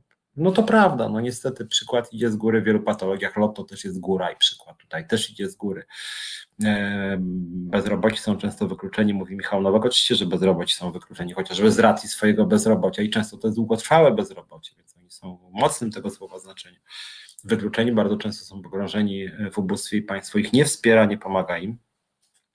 E, natomiast jak wracając do tych kawiarni i e, restauracji, o których mówiłem, więc moim zdaniem powinna być jakaś jednolita linia. Ja w pewnym momencie mówiłem, że szczególnie w tym czasie, zacząłem o tym mówić, że szczególnie w tym czasie, kiedy, kiedy epidemia jest no, w takiej fazie bardzo nieciekawej w Polsce, niby nie ma tak bardzo dużo przypadków, ale umiera strasznie dużo ludzi, co moim zdaniem pokazuje, że mm, że jest więcej znacznie tych przypadków zakażeń niż pokazuje rząd. Jeżeli jest 400 ofiar śmiertelnych od y, miesięcy tak naprawdę, no to wydaje się, że zakażeń koronawirusa jest jakieś 40 tysięcy, bo to jest między 1%. No tak to działa na świecie, więc ja nie wiem, w Polsce chyba, mam nadzieję, nie umiera pięć razy więcej ludzi e, na liczbę zakażonych niż na całym świecie, w związku z tym wydaje mi się, że to raczej po prostu rząd nie wychwytuje osób zakażonych, których jest strasznie, strasznie dużo. E, no i tak to niestety działa, bo cały czas się mało e, testuje. Natomiast kolejny raz wracając po raz trzeci już do kawiarni i restauracji, więc moim zdaniem tak, w momencie, kiedy jest bardzo dużo zakażonych, to wtedy y, można byłoby na przykład kawiarnie, restauracje, szczególnie restauracje wykorzystać w ten sposób, o czym mówiłem już w kwietniu jako związkowa alternatywa. Myśmy proponowali, żeby na przykład kawiarnie czy restauracje głównie właśnie, w każdym razie takie punkty gastronomiczne, gotowały dla różnych instytucji, dla szpitali, dla urzędów, tak, żeby, żeby po prostu w ramach zamówień publicznych na dużą skalę więc wydaje mi się, że to byłaby dobra droga, to byłyby miejsca pracy, mm, to by usprawniało funkcjonowanie rządu i samorządu. Mówiłem już o nowych miejscach pracy w sektorze e, e, administracyjnym. E, myślę też, że mogliby też wykorzystywać różne budynki, nawet hotele, jako miejsca kwarantanny, czy, czy, czy żeby krótko mówiąc, włączyć je w jakąś taką infrastrukturę krytyczną przy walce z koronawirusem. Tylko problem polega na tym, że to by wymagało jakiegoś myślenia, jakiegoś projektu, jakiegoś pomysłu, a tego pomysłu czy projektu PiS nie ma, PiSko potrafi rozdawać pieniądze, zabierać z podatków i rozdawać 500 plus 300 plus 13 emerytura, 14, 160 emerytura.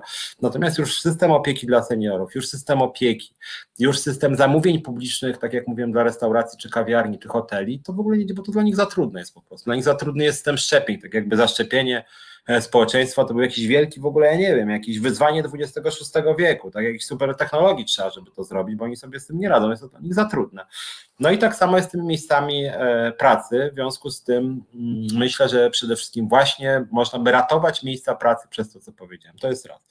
Dwa, na pewno myślę, że można byłoby bardziej otwierać różne miejsca gastronomii, gdyby rzeczywiście państwo narzuciło bardzo surowe obostrzenia higieniczne i również płaciło za nie. To znaczy płaciło nie za obostrzenia, tylko płaciło za środki higieny, co mówiłem, tak? Trzeci pomysł, o którym ja mówiłem, tutaj nawet jeden program zrobiłem z wami, głosy były podzielone, ja też nie jestem pewien, ale pomysł, żeby otwierać dokładnie wszystko dla zaszczepionych i e, ozdrowieńców, takich jak ja, to byłby moim zdaniem niezły pomysł, tak? To znaczy, jak chodzi o zdrowieńców, trzeba by wtedy co, może dwa tygodnie, co miesiąc pokazywać test z obecnością przeciwciał. To znaczy, by państwo wtedy też oczywiście finansowało testy. E, I ludzie by wtedy pokazywali, no nie aplikacje jakieś QR, że są, mają przeciwciała, więc nie zarażają, nie są podatnicami, mogą wchodzić do kawiarni, restauracji, do dyskoteki, mogą się bawić. Wszystko dla nich otwieramy, tak? I jednocześnie, oczywiście, dzięki temu więcej ludzi się testuje, oczywiście za pieniądze publiczne. No i oczywiście więcej się szczepi, ale tutaj to do ministra Dworczyka by trzeba się spytać, który Dramat, następny dramat w rządzie minister Dworczyk. No właśnie, więc trzeba by do Dworczyka się zwrócić, ale Dworczyk, no niestety nie ma nic do powiedzenia na ten temat i tu jest problem. No ale mówimy teraz o dobrze funkcjonującym państwie, o alternatywie wobec prawa, e, państwa prawa i sprawiedliwości, e, więc myślę, że to mogłaby być taka część, ale przede wszystkim konsekwencja. Znaczy ludzie muszą wiedzieć, co ich czeka, bo jeżeli rzeczywiście to jest tak, że nawet państwo dosypie restauratorom czy, czy, czy, czy jakimś tam z branży fitness pieniądze, no to jeżeli to nie ruszy w perspektywie kilku miesięcy, no to no to upadną. No to nawet jeżeli wpiszemy, co by chciała lewica, jak chodzi o lot słusznie, ale jak chodzi o całą gospodarkę, jestem pewien, że pomagamy tylko tym, którzy, e, którzy nikogo nie zwolnią w jakiejś dłuższej perspektywie. No tak, tylko że jeżeli restauracja e, będzie zamknięta albo będzie miała obrót 10%, to jak będę pomagać, pomagać, pomagać cały czas nie będzie mogła się otworzyć, no to, to skończy się pomoc i co? To skończą się pieniądze. No, no to przestanie płacić y, i co? No to będzie zadłuży się wobec państwa, więc no to muszą być jakieś inne propozycje. Więc wydaje mi się, że jednak e, szczepienia, jak chodzi o te szczepienia, i znowuż pomysł państwa musi być państwowa organizacja. Tak na marginesie widziałem dzisiaj, że Adam Bodnar pisał, że w ogóle to e, wyodrębnianie grup szczepień jest w ogóle bezprawne z perspektywy też konstytucji, polskich przepisów. PiS o to oczywiście nie zadbał, więc tak naprawdę wszystkie te grupy to jest y, pic na wodę, to jest nielegalne. Ale niezależnie od tego już nawet jakie są grupy, oni powinni szczepić 24 godziny na dobę, tak jak w Wielkiej Brytanii się szczepi. I na przykład osobom, które pracują w godzinach nocnych płacimy stawki razy 2,5. To co związkowa alternatywa odnośnie prac w niedzielę my proponujemy, tak? 2,5 dla każdego, kto pracuje w niedzielę. W związku z tym płaćmy pielęgniarkom, lekarzom szczepiącym e, w niedzielę, e, w, w weekendy, bo weekend też się nie, tak na marginesie w Polsce nie szczepi, więc w weekend i w no, nocami razy dwa i pół. I niech te szczepienia będą we wszystkich punktach w Polsce 24 godziny na dobę. No to przecież mamy sytuację wyjątkową.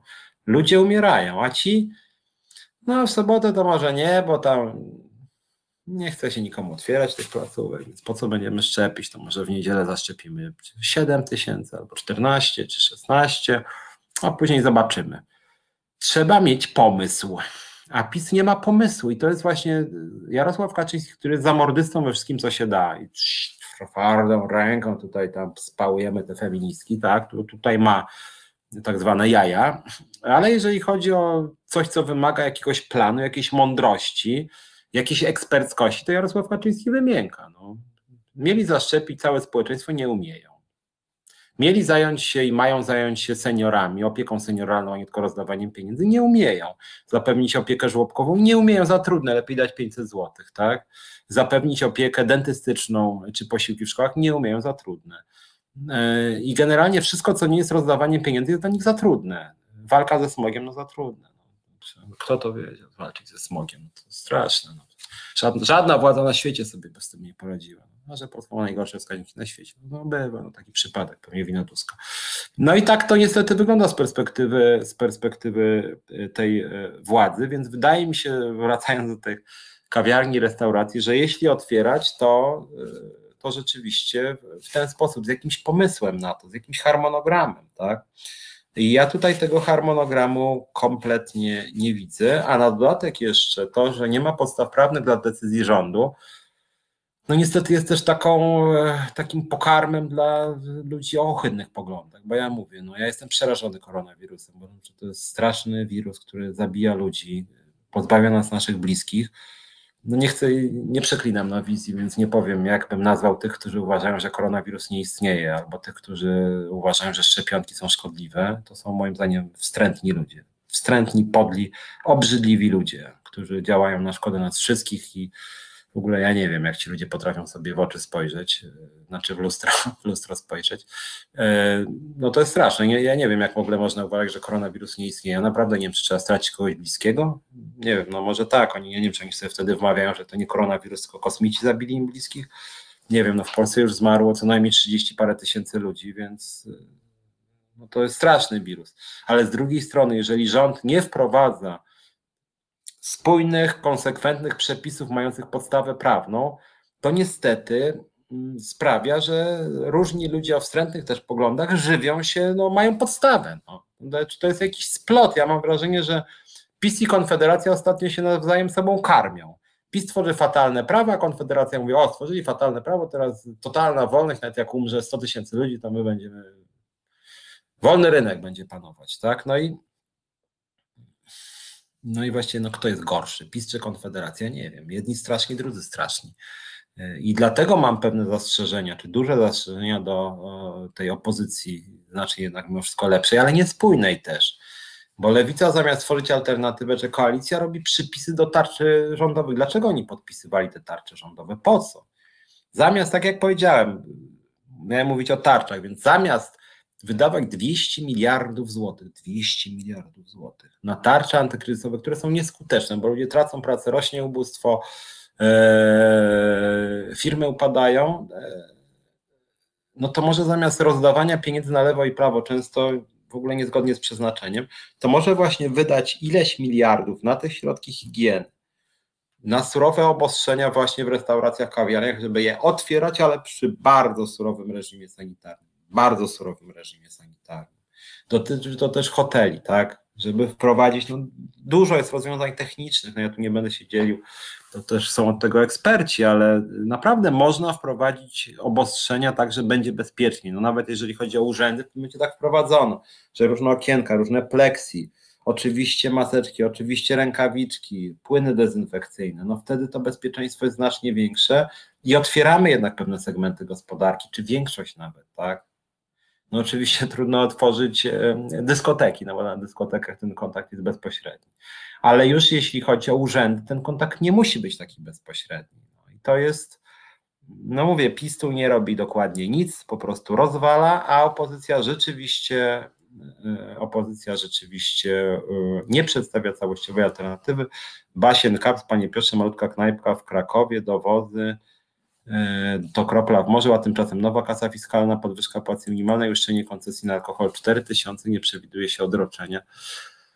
E, i tak dalej. Znaczy, tak jak powiedziałem, no, znaczy e, kasa fiskalna, no to rozumiem, no, no nowa, bo sama kasa fiskalna no to musi być, żeby ściągać w ogóle podatki, podwyżka płacy minimalnej, no ludzie muszą jakoś zarabiać, jak chodzi o płacy minimalnej, nie można oszczędzać na e, pracownikach, natomiast wydaje mi się, że dobrym tutaj instrumentem byłoby to, co powiedziałem, że na przykład tej knajpce w Krakowie właśnie państwo refunduje te środki higieny chociażby, tak? Myślę, że to byłby jakiś, e, jakieś tam e, rozwiązanie, czy jakieś stymulowanie popytu właśnie przez te zamówienia, o których mówiłem. No myślę, że w ten sposób się jakoś ratuje, że dążymy do tego, żeby te knajpy, restauracje jakoś przetrwały, żeby one coś robiły. No dawałem przykład, że nawet tam była awantura w momencie, że że ktoś sprzedający tulipany chyba parę miesięcy temu tam mówił o bankrutowaniu, to sobie pomyślałem, że nawet jakby szpitale kupiły te tulipany, żeby było trochę weselej w tych szpitalach, a przy okazji by przetrwała branża. No. Czy urzędy, byłyby trochę ładniejsze te urzędy. Wydawałoby się, to są sztuczne decyzje, ale tak naprawdę w ten sposób można uratować miejsca pracy, tak? a przy okazji być może troszkę, troszkę poprawić jakość życia y, ludzi, byłoby ładniej nawet. Tak? I w ten sposób by państwo wydało pewną kwotę pieniędzy, y, zbliżoną tak na marginesie do tej w ramach tego rozdawania pieniędzy, y, no, ale byłby w tym jakiś cel społeczny, utrzymanie aktywnych miejsc pracy, aktywnych, a nie pasywnych, bo dosypywanie kasy do niedziałającego przedsiębiorstwa to jest naprawdę y, droga do po prostu wykończenia gospodarki. To nie jest najlepszy pomysł. E, zróbmy jeszcze może jedną krótką przerwę, e, e, no i później już będziemy, do końca będę mówić o tych propozycjach, jaka moim zdaniem powinna być ta tarcza antykryzysowa, lepsza od tej tarczy rządowej. Pewne kierunki już Wam wskazałem, to są też kierunki dla naszej drogiej opozycji, która jakoś tak nie za bardzo chce słuchać związków zawodowych i nie za bardzo im pomaga. Liczymy na to, że się to zmieni, a teraz krótka przerwa piosenka. Słuchasz Resetu Obywatelskiego. Reset Obywatelski. Medium, które tworzysz razem z nami. Komentuj, pisz i wspieraj. I wracamy. Piotr Szymlewicz, czas na związki. Rozmawiamy o alternatywach wobec polityki rządowej odnośnie polityki społeczno-gospodarczej. Widzę, że znalazł się nawet obrońca czy obrończyni PiSu w jakiejś tam mierze przynajmniej. E, Michalici, Michalici, wie pan jak nazywa się ruch Trzaskowskiego? PiS może nie jest idealny, ale nic lepszego nie mamy, byle do wiosny. No powiem tak, ja, e, bo ja wiem, że większość e, widzów i widzek Resetu nie lubi Prawa i Sprawiedliwości, ja też nie lubię Prawa i Sprawiedliwości, ale tu nie chodzi o lubienie. Mm, wydaje mi się natomiast, że PiS rzeczywiście jest strukturalnie partią bardzo szkodliwą, bardzo nieudolną. Ja po prostu się radykalnie nie zgadzam z tą wizją dla Polski, którą oferuje PiS. Ja dzisiaj bardzo dużo mówiłem o locie. Gdybyście przesłuchali tej komisji infrastruktury dzisiejszej, bo ona jest na stronie, co nas nie wpuszczono tam, to to, co mówi pan prezes Rafał Milczarski, dla osób, które nie znają branży lotniczej, brzmi nieźle. To znaczy brzmi, mówię, brzmi nieźle. Pan Rafał e, omija oczywiście te kwestie, o których ja mówię. mówię zysk operacyjny w 2019 duży, lot rozszerzył swój zakres działania, używa tam kilku trudnych słów, których pewnie część z Was nie zna, wskazuje na tam jakieś, nie wiem, nowe samoloty, wskazuje na nowe e, linie lotnicze, wskazuje na różne nowinki technologiczne. E, później pan Chorała na przykład mówi o jakichś tam e, strategicznych nowych miejscach, lotnisk, planach lotnisk, CPK-u i on tam wskaże dużo nawet cyfr. I trzeba być rzeczywiście przygotowanym, żeby przedstawić alternatywę i trzeba mieć wiedzę, żeby obalić argumenty rządu. Ja nie wiem, czy pamiętacie, to jest chyba dobra analogia między Milczarskim czy Chorałą i Macierewiczem. Nie wiem, czy pamiętacie, jak Macierewicz mówił o katastrofie smoleńskiej. Mm, ja wtedy pracowałem zresztą w telewizji polskiej chwilę w 2010 roku do 2012 i bezpośrednio słuchałem mm, pana Macierewicza na żywo o katastrofie. Ja nie prowadziłem wtedy programu, słuchałem i Macierewicz bardzo sprawnie, używając dość skomplikowanej terminologii, przekonująco dosyć mówił, że w Smoleńsku był zamach. Jak wskazują dane, kąt nachylenia, e, proszę mnie nie przerywać, panie redaktorze, jak wskazuje kąt nachylenia między 38 i 46, zdaniem amerykańskiego naukowca, nie wiem, Jonesa, Turnera, to wskazuje na zamach. No widzi pan, panie redaktorze, no pan się na tym nie zna, się na tym zamach. Proszę mi zauważyć, to był zamach. No tu jest najlepszy dowód, mogę pan dać inny dowód. E, teoria e, Blackwella romansa.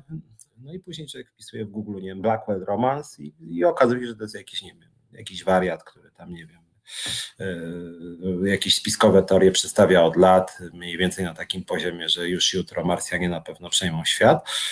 Tylko, że pan Macierewicz robił to w sposób spójny dosyć. Znaczy, taka spójna wizja świata, wariacka, chora, moim zdaniem szkodliwa, ale spójna. I tak samo jak Milczarski mówi o że wszystkie dane operacyjne, wszystko się zgadza, rośniemy, rozwijamy, najlepsza linia na świecie. To jak Morawiecki, prawda, potrafi bardzo e, płynnie kłamać. Jeżeli ktoś się nie zna na gospodarce czy polityce społecznej, to sprawnie mówi, no kupy się to trzyma Polska potęgą światową, no.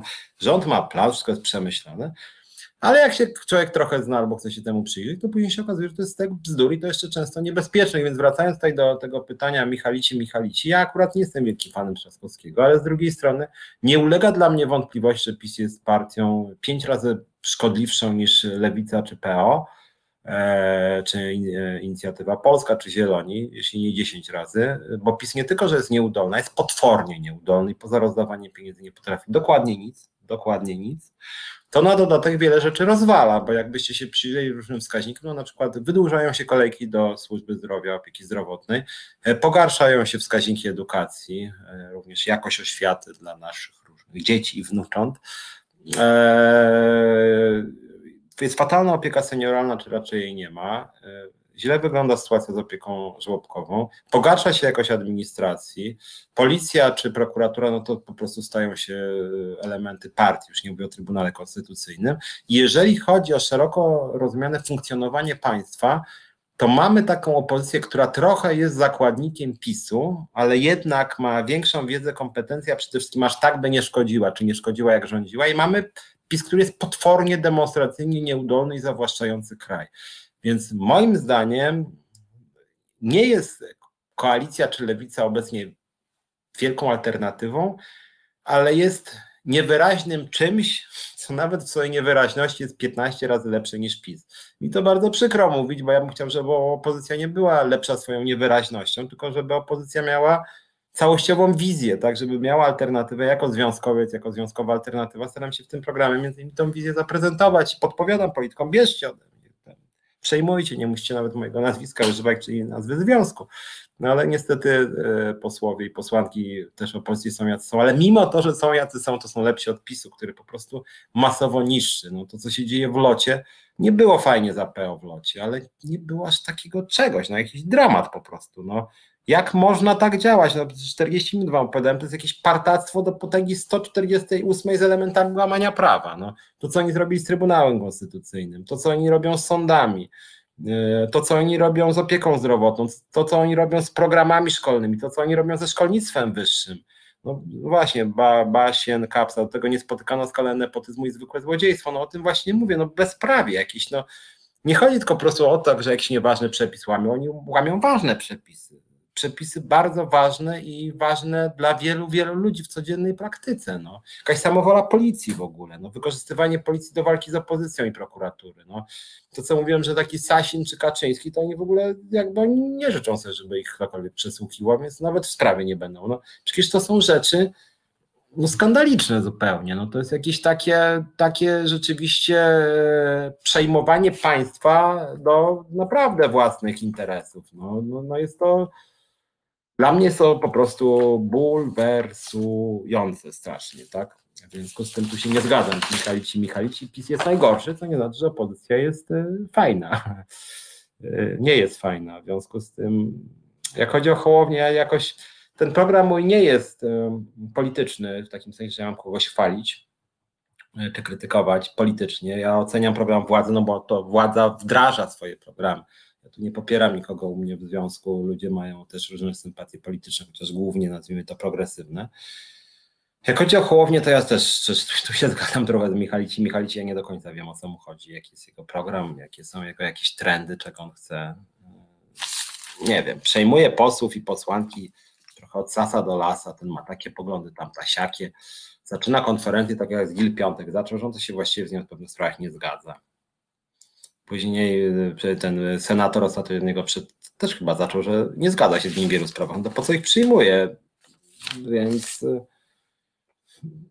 nie wiem, trochę nie rozumiem rzeczywiście, chociaż oczywiście również Hołownia jest lepszy od PiSu znacznie. To, co widziałem w kampanii prezydenckiej Hołownia akurat, akurat y, częściowo y, kładł nacisk na kwestie związane z ekologią. To jest ważne, bo rzeczywiście w Polsce to jest lekceważone on te sprawy, nazwijmy to, związane z jakością życia, tak, bo jak chodzi o środowisko, to jest jakość życia, e, no kładł nacisk, no nie było tam za wielu konkretów, ale coś tam jednak próbował mówić.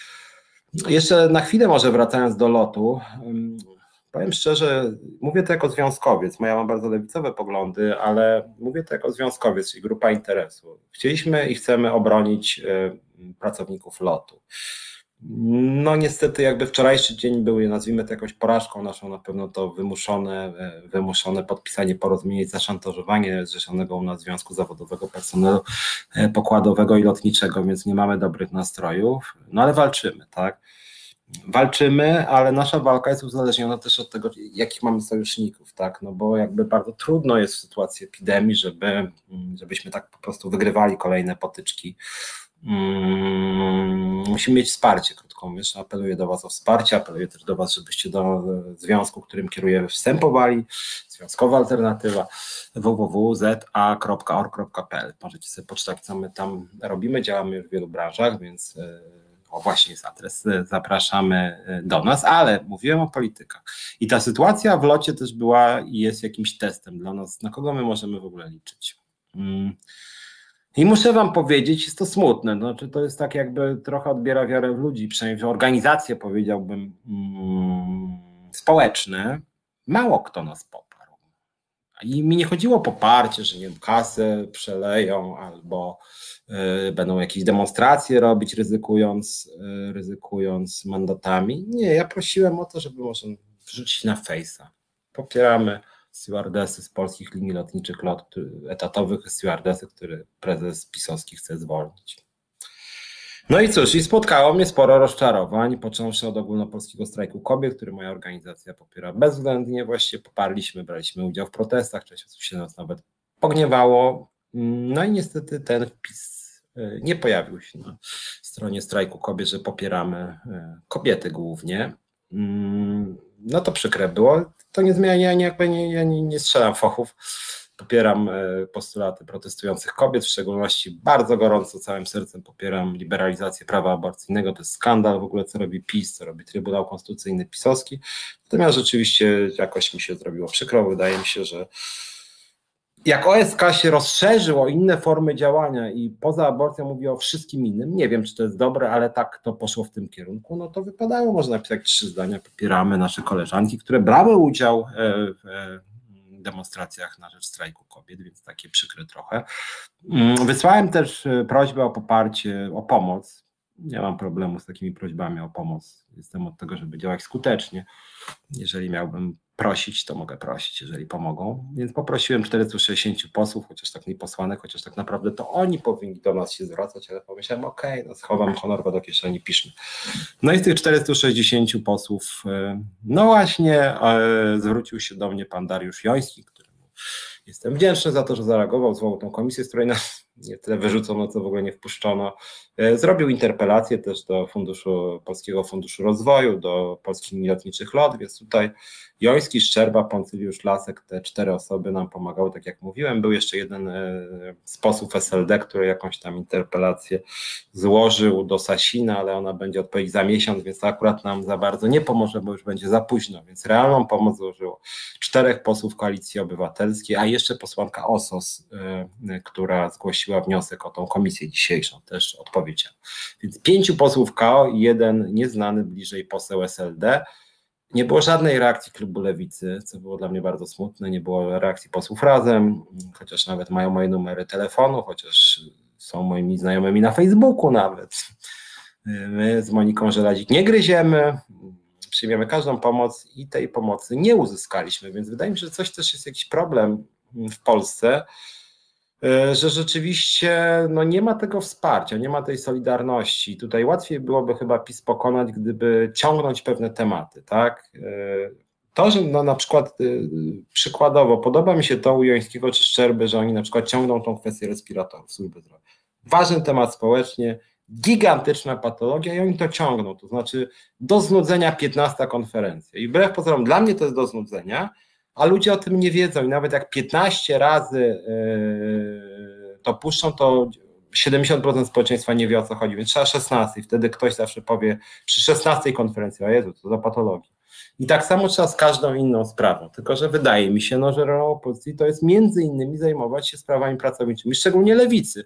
Więc ten, ta nieobecność lewicy, jak chodzi o sprawy związane z polskimi liniami lotniczymi LOT, muszę powiedzieć, że są dla mnie bardzo, bardzo przykrym, negatywnym zaskoczeniem. Byłoby miło, jakby lewica się obudziła z tego snu. Również mówiłem o tych propozycjach lewicy, głównie wsparcie dla przedsiębiorców. Ja nie wiem, co to jest za lewica, słabo to wygląda. No, jestem naprawdę rozczarowany. Uważam, że e, Sejm z lewicą wcale nie jest specjalnie lepszy niż Sejm bez lewicy. Bardzo mi przykro, myślałem, że będzie zupełnie inaczej, że oni będą nagłaśniać te postulaty, że oni będą do nas się zwracać jako postępowego związku zawodowego. Nie mamy od nich wsparcia, ani od e, tego parlamentarnego razem, ani SLD, ani wiosny. Znam się i, kontaktuję z osobami z dołów. Na przykład dzięki działaczce Razem wstąpiło do nas ostatnio z, e, terapeutki z Warszawy i tu jestem wdzięczny wobec e, właśnie tego Razem na dole, gdzie jest bardzo dużo bardzo zaangażowanych ideowych ludzi Trochę też jest takich ludzi w SLD i też kilku należy do Związkowej Alternatywy, no ale władze tych wszystkich partii, ja nie wiem co się dzieje z Zandbergiem, z Biedroniem, z Czarzastym. Nie, ja nie, nie, nie rozumiem, szczerze powiedziawszy, dlaczego oni nie angażują się w sprawy praw pracowniczych, dlaczego nie pomagają, dlaczego sami się nie zwracają, przecież oni mają pieniądze, przecież oni mają podobno ludzi. Mamy dużo mniej pieniędzy, a mimo to jakby jesteśmy bardziej jakoś aktywni. Nie, nie rozumiem tego muszę powiedzieć szczerze.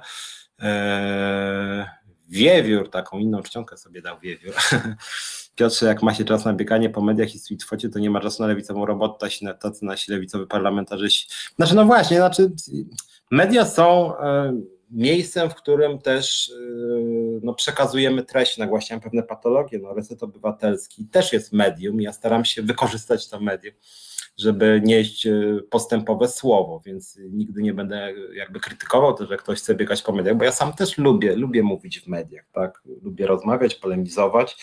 E, problem tylko polega na tym, że jak już ta lewica do mediów idzie, to jakby nie, nie wyróżnia się specjalnie, tak?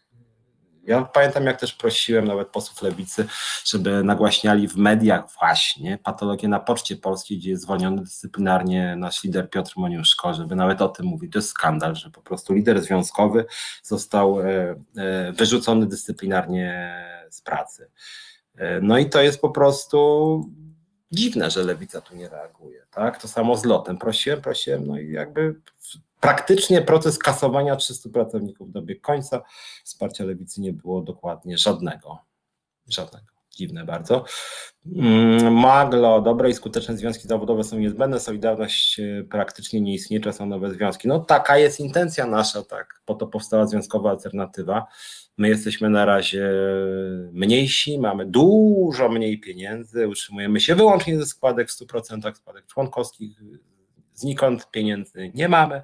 OPZZ czy Solidarność mają między innymi z ministerstw różnego rodzaju bardzo duże pieniądze, więc moim zdaniem są też tak strukturalnie skorumpowani, zależni. Często na poziomie zakładowym też OPZZ czy Solidarność są związkami prezesów, są uzależnieni, są grzeczni, są posłuszni.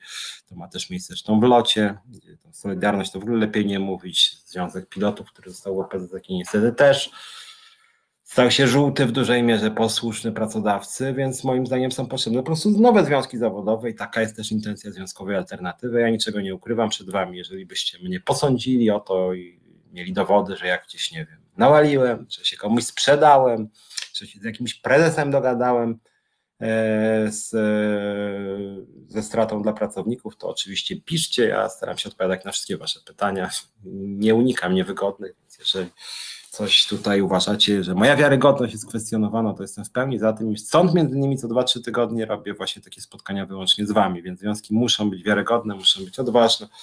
E, I ja i Monika Żelazik e, myślę, że do takich związkowców należymy, przynajmniej się mm, staramy. Gonia Francuz, też jestem rozczarowana lewicą, nie widać ich w ogóle. No właśnie, nie widać ich w ogóle, nie kumam. E, kapitan Statford wierzy w razem. Lubię sporo ludzi w razem, ale no, ostatnio jakoś tak jest pasywnie. Oby się to zmieniło. Marta Hoppe, Czarzasty jest sam złodziejem. Uważałbym na złodziej. Nie, nie, nie mam dowodów. No nie jestem fanem Czarzastego. Uważam, że nie jest najlepszym liderem, też jestem nim rozczarowany.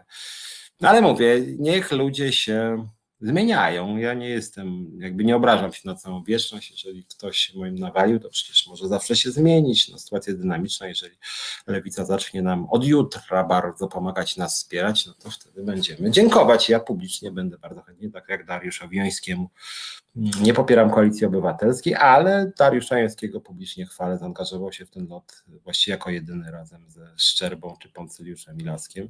I, no, i brawo, no, lewica tego nie zrobiła. No, przykro to mi bliżej do lewica, że koalicja zadziałała. E, ale w tych mediach, jak już biegają, to walą farmazony bezidowe. No trochę walą farmazony. Ale mówię, znaczy to, że to wygląda jak farmazony, wiąże się z tym, że oni nie mają własnej wizji, jak chodzi głównie o ten kryzys. Oni mnożą przez dwa propozycje pisowskie i uważają, że wszystko jest w porządku. No to, e, tam ci dali pożyczki 5 tysięcy dla przedsiębiorców bezrobotnych, to my damy 15. No i to no, ludzie też wierzą w takie rzeczy chyba po prostu. To znaczy budżet jest jednak skończony, więc oni czują, bo później wychodzi pan Chorała na przykład mówi, no my jesteśmy odpowiedzialni budżetowo, a lewica to mnoży przez trzy populistycznie, no bo to jest populistyczne. No ja nie oczekuję od tego, żeby lewica mnożyła przez trzy propozycje rządowe, tylko żeby miała własne propozycje, niekoniecznie kasy, tylko lepszych usług publicznych na przykład, właśnie bezpieczeństwa i higieny pracy, układów zbiorowych, a tego w ogóle niestety nie widzę. Bożena Breczko, opozycja sejmowa nie potrafi być opozycją, zupełnie nie wiedzą co robić, obiecują, że zrobią jak dojdą do władzy, ale ja już w to nie wierzę. No jakoś tam e, chciałbym w to wierzyć. Partia Razem mówi, Kajos domagała się przywrócenia pana stanowiska przewodniczącego PZP Mazowsze. To jest zupełnie inna historia, za to zresztą byłem wdzięczny partii Razem, nie pamiętam, czy to nie był warszawski oddział, no ale generalnie rzecz biorąc długa historia, teraz zakładamy nowe związki zawodowe, związkową alternatywę i mam nadzieję, że nam się to uda. Słuchajcie, muszę, muszę kończyć, bo wkrótce jest też e, Nowy program. e, Mieliśmy tutaj dzisiaj sponsora tego programu. Przypominam o tym naszym takim, nazwijmy to, e, programie sponsorskim, więc bardzo dziękuję Michałowi Gołębiewskiemu. E, No i cóż, zachęcam Was do słuchania resetu, zachęcam Was do wspierania resetu, zachęcam Was do oglądania wszystkich naszych audycji, no i zachęcam Was, żebyście wstępowali do związkowej alternatywy i zachęcam Was, żebyście pisali o patologiach na polskim rynku pracy w miarę możliwości jako związkowa alternatywa będziemy z tymi patologiami walczyć i szukamy takich firm, gdzie są właśnie dowody na te patologie, żeby czynić, e, żeby czynić ten rynek pracy troszeczkę lepszym. Bardzo, bardzo Wam dziękuję. Widzimy się i słyszymy za tydzień. Do widzenia. Reset Obywatelski. Podobał Ci się ten program? Reset to medium obywatelskie, którego jedynymi sponsorami jesteście Wy, odbiorczynie i odbiorcy. Wesprzyj nas na zrzutka.pl i pomóż budować niezależne medium.